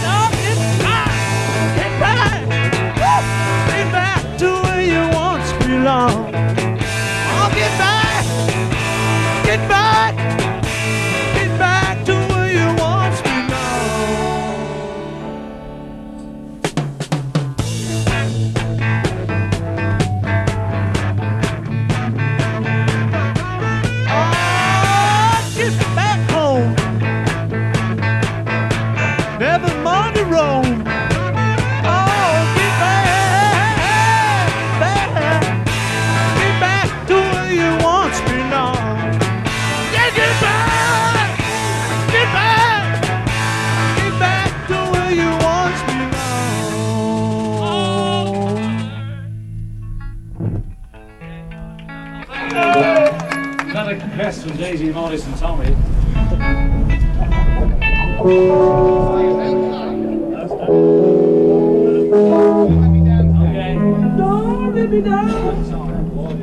העריכה של שני הביצועים ששמענו עכשיו של גט בק הם אלה שיופיעו בסרט Let It Be. ולנון ממשיך עם ההכרזות. We've had a request for Daisy, Morris and Tommy. ומשם עוברים ל-Don't Let Me Down, בביצוע פשוט נפלא שיופיע בסרט. וצריך לומר שבשלב מסוים, תוך כדי הביצוע של השיר הזה, לנון או שוכח את המילים, או בכוונה משלב אה, משפטים בצרפתית באמצע, בנונשלנטיות. אני הייתי הולך על שוכח. אני גם חושב ככה.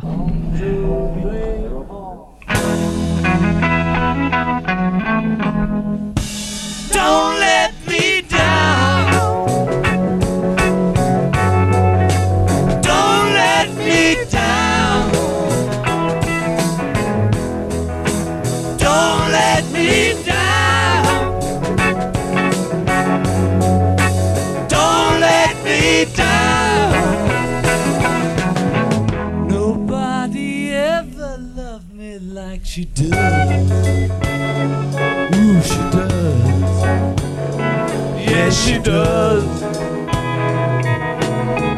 And if somebody loved me like she does, would she do me? Yes, she does.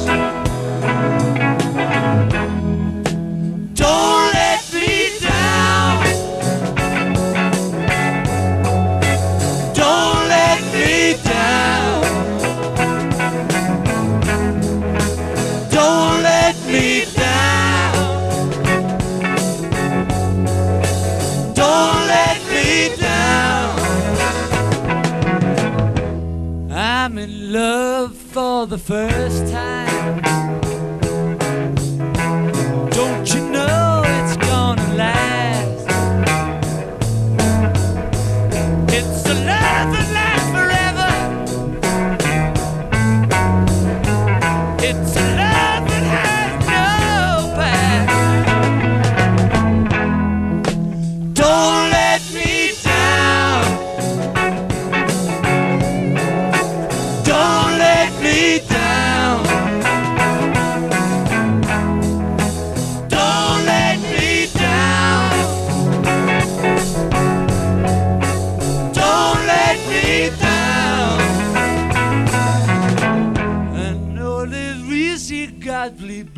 Go. Oh, she does. Yes, she does. I guess nobody ever really done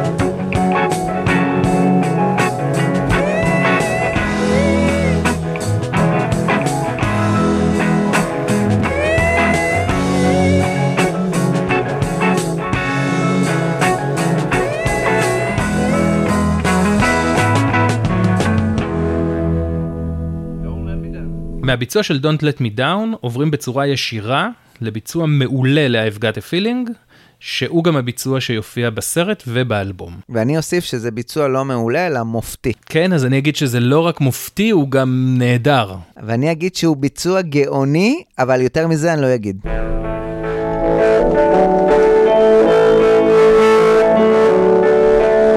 I've got a feeling, a feeling deep inside.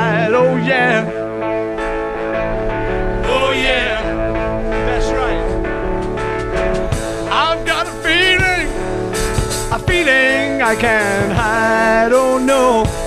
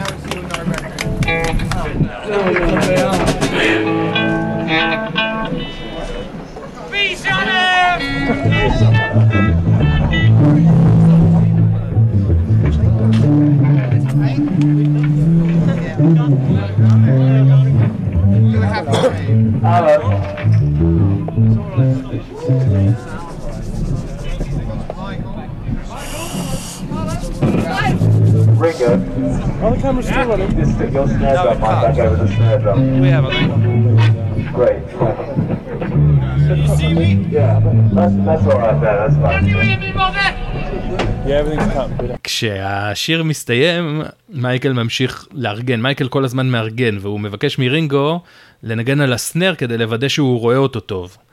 אז רינגו צועק לו, אתה רואה אותי? והוא אומר לו, כן, אין בעיה, ואז לנון צועק, אמא, את שומעת אותי? ואז הם עוברים ל-One After 909 בביצוע נהדר, שגם נכנס לסרט וגם לאלבום. כמיטב מסורת הפרויקט הזה, לנון שר שורה מתוך שיר אחר, דני בוי, שהיה להיט של אה, קונווי טוויטי ב-1959, והשורה הזאת מחוברת ל- לשיר, נכנסה גם כן. צריך רק לומר שהביצוע ל-One After 909 לא ממש עבד להם מהניסיון הראשון, הם מתחילים, מפסיקים, ואז עושים את הניסיון השני. All cameras take four.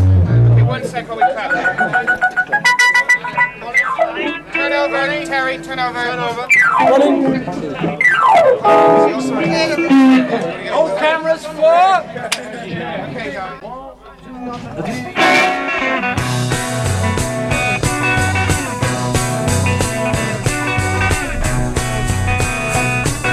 My baby says you're traveling on the one after 909. I said, move over, honey. I'm traveling on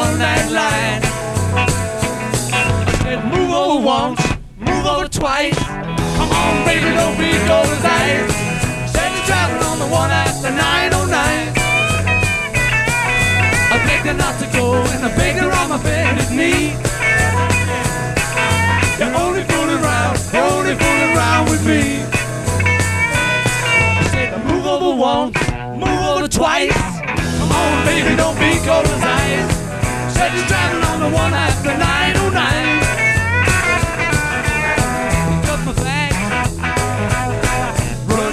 Station.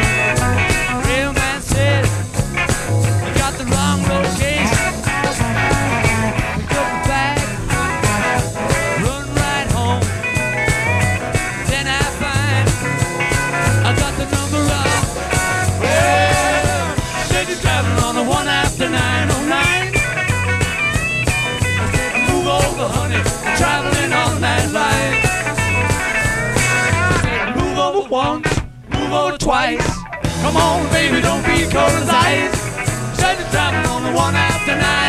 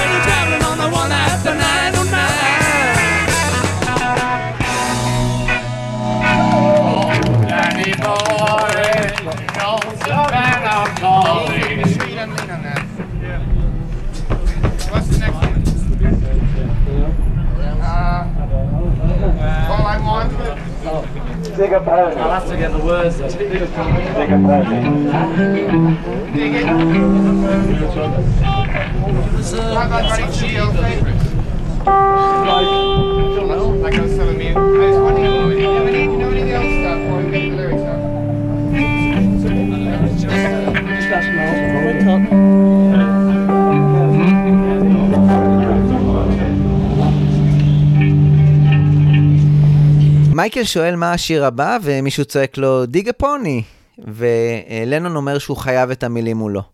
קווין הרינגטון, איש אה, ציוד כלי הנגינה, הג'ינג'י שדיברנו עליו קודם, מגיע ומחזיק את המילים מולו. הם מתחילים לשנייה, ואז עוצרים הכל, כי רינגו צועק, hold it. הוא בדיוק הדליק סיגריה ורצה להניח אותה בצד. רק זה היה חסר שהקליימקס הזה יהיה שריפה על הגג. זה, זה היה מעולה. זה יכול להיות מעניין. מעניין אם זה מפריע גם לך. לי מאוד מפריע שעד לרגע זה, הקול של הריסון פשוט לא נשמע. כאילו שהוא לא נמצא שם. כאילו שהוא בא לעשות עבודת פרילנסריות וללכת. אה, חשבתי שזה מה שהוא עשה. ההתחלה הכפולה הזאת והביצוע המלא מופיעים גם בסרט וגם באלבום. למעט ה- All I want is you בהתחלה כאילו, שאני כל כך אוהב אותו, הוא כל כך יפה לשיר, ופיל ספקטור חתך אותו. בלי ה-hold it בהתחלה של אה, רינגו זה עבורי לא השיר. ברור.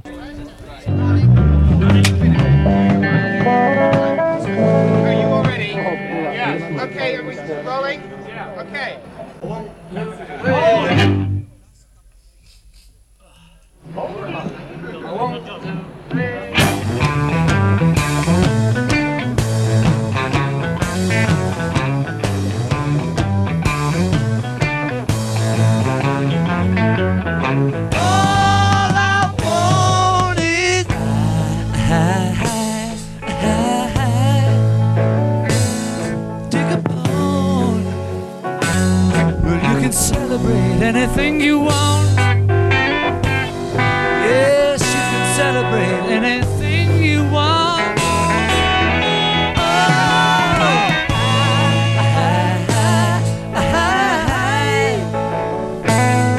To a roadhog. Well, you can penetrate any place you go. Yes, you can penetrate any place you go.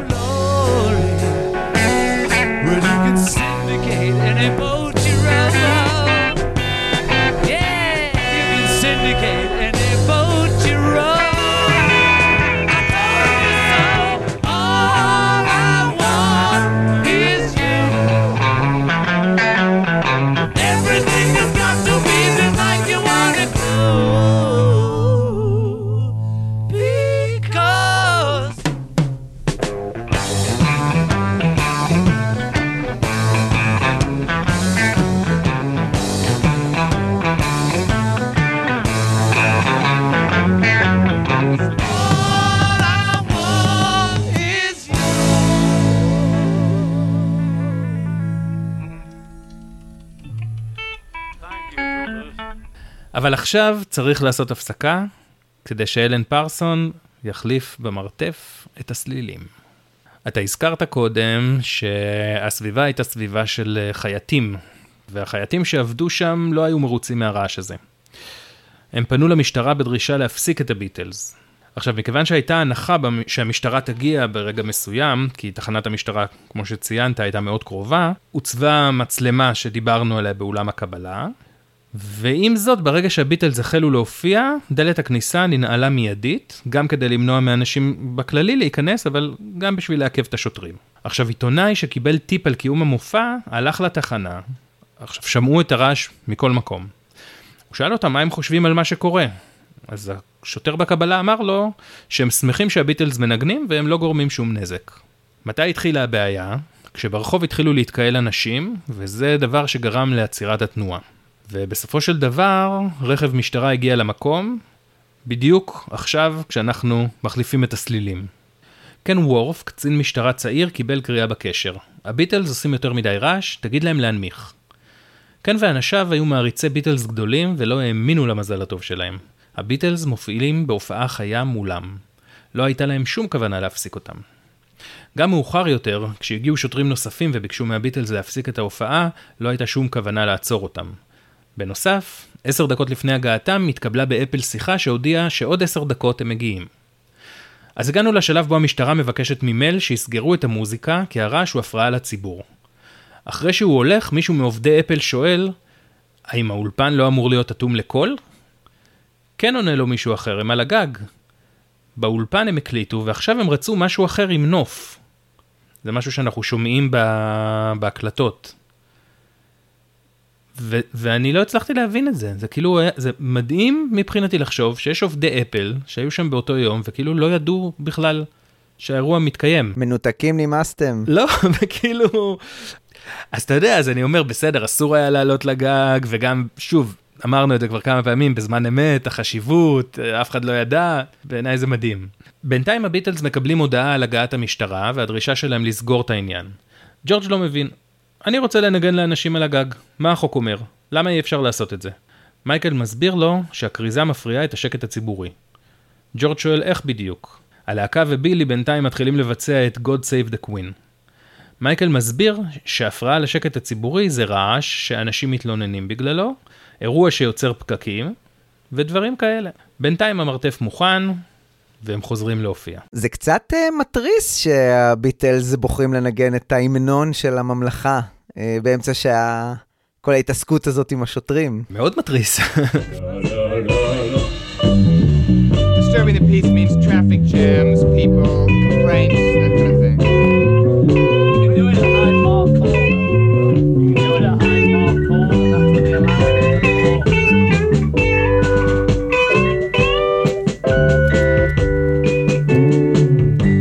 אז עכשיו הכל בא על מקומו בשלום, הם עורכים uh, חימום קצר ועושים עוד uh, גרסה ל-I've got a feeling.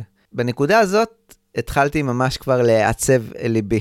אנחנו מתקרבים אט אט לסיומה של ההופעה שלנו, אבל משהו בכל זאת כן שישע אותי. שמת לב שאריסון בגרסה השנייה הזאת הצליח להשחיל את נגינת המנדולינה שלו? אריסון אמנם לא אמר כלום כל ההופעה, אבל הוא אמר הכל עם נגינת המנדולינה הזאת.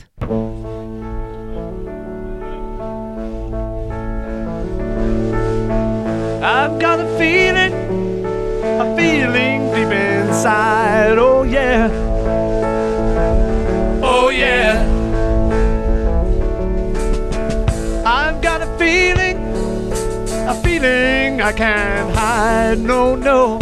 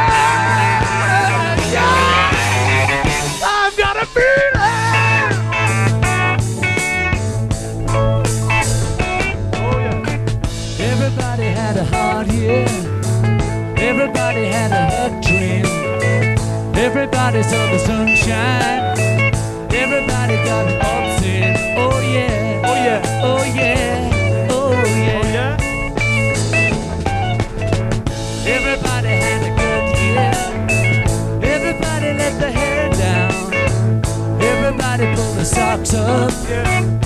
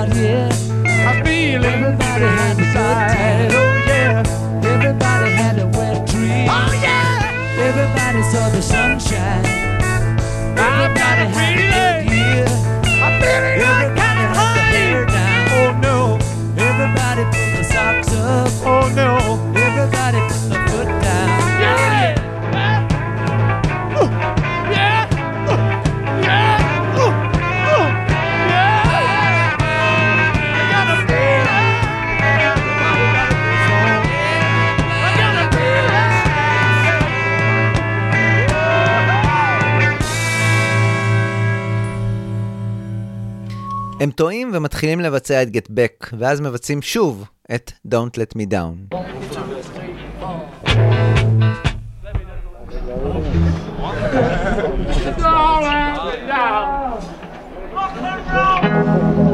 You too.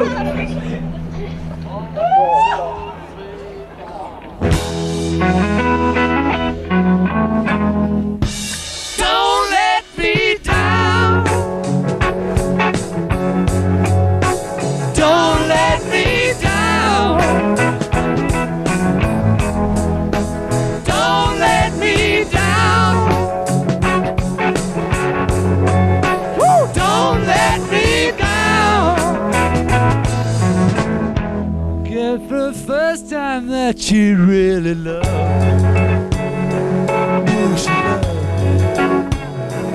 Yes, she does. And if somebody ever really loves, oh, she loves.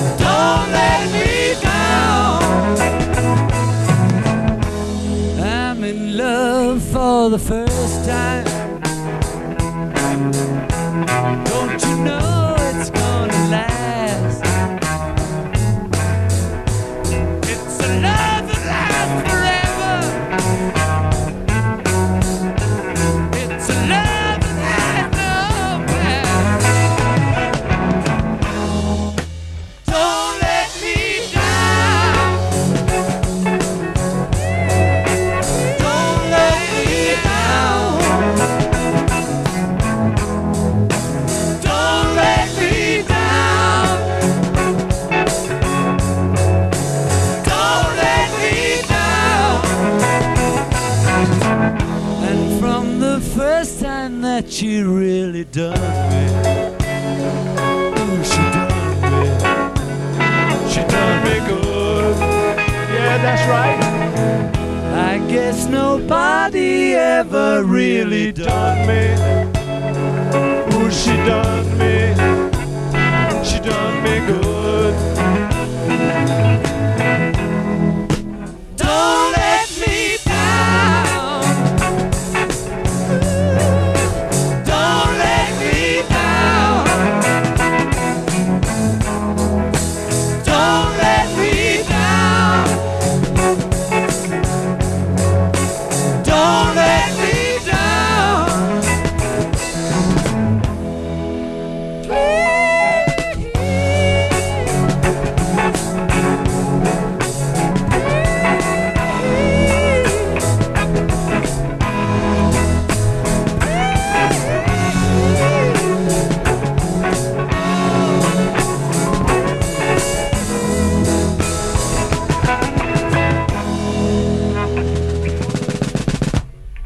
גיא, הגענו לשיר האחרון. איזה עצוב. עצוב מאוד. הביטלס uh, סוגרים את uh, ההופעה על הגג, זאת שחודש שלם של עבודה התנקז אליה, ומה יותר טוב מהשיר שנתן לפרויקט את, uh, את שמו, Get Back. מי שיאזין בריכוז לשיר, ישים לב שבהתחלה הגיטרות קצת נעלמות. והסיבה היא שהמשטרה אילצה את מל לסגור את המגברים של הריסון ולנון. הריסון מיד הדליק את המגבר שלו בחזרה, ובעקבות זה, מל החליט להדליק גם את זה של לנון.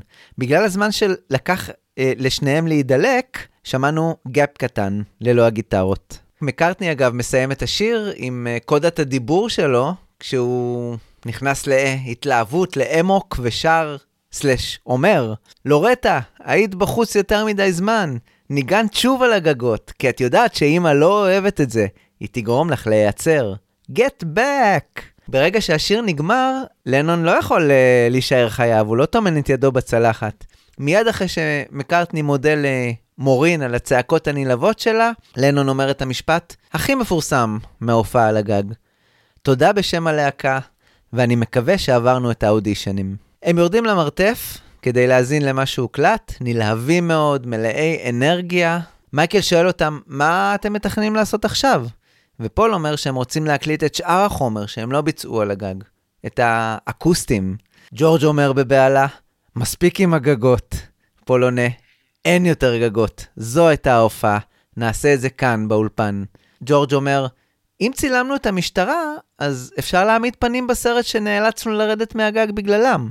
ג'ון אומר, איך שזה קרה, ככה זה יהיה. איך שזה קרה, ככה זה יהיה. גיא ברמן מחליס. אורי קואז. אני מקווה שעברנו את האודישנים. ובאמת, בפרק הבא נדבר על ה-31 בינואר, שבו הם uh, חוזרים לזירת הפשע, זאת אומרת לאולפני אפל, כדי לעבוד על השירים הנותרים, ונתקדם uh, לנו אל פברואר הקר והמנוכר עוד יותר, ונשעט יחד אל עומקה של 1969. יהיה חם ומגניב. יהיה קר ומדכא. תודה רבה שהייתם איתנו. בפרק הזה, בסדרה הזאת על 1969, בפודקאסט הזה. תודה רבה, גיא. תודה רבה, אורי, ותודה רבה לכולכם.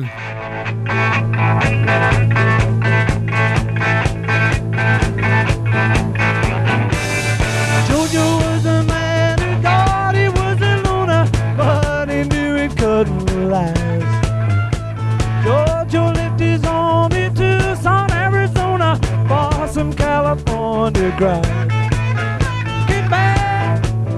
get back, get back to where you once belonged. Get back, get back to where you once belonged. Get back, Jojo. Yeah.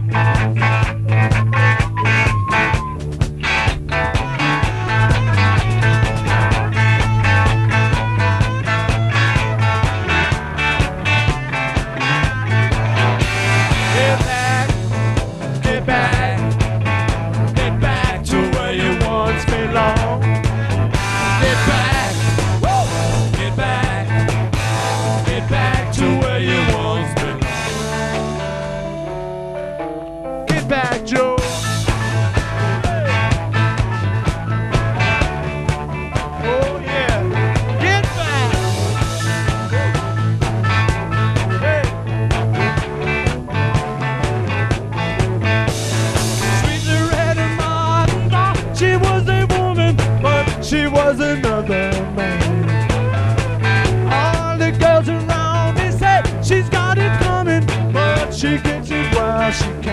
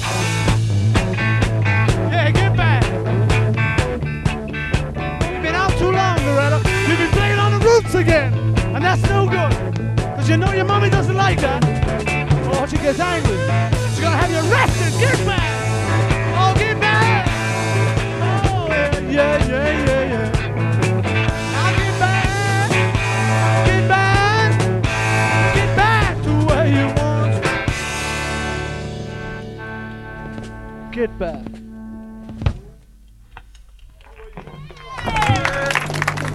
Thanks, Paul. I'd like to say thank you on behalf of the group and ourselves, and I hope we pass the audition.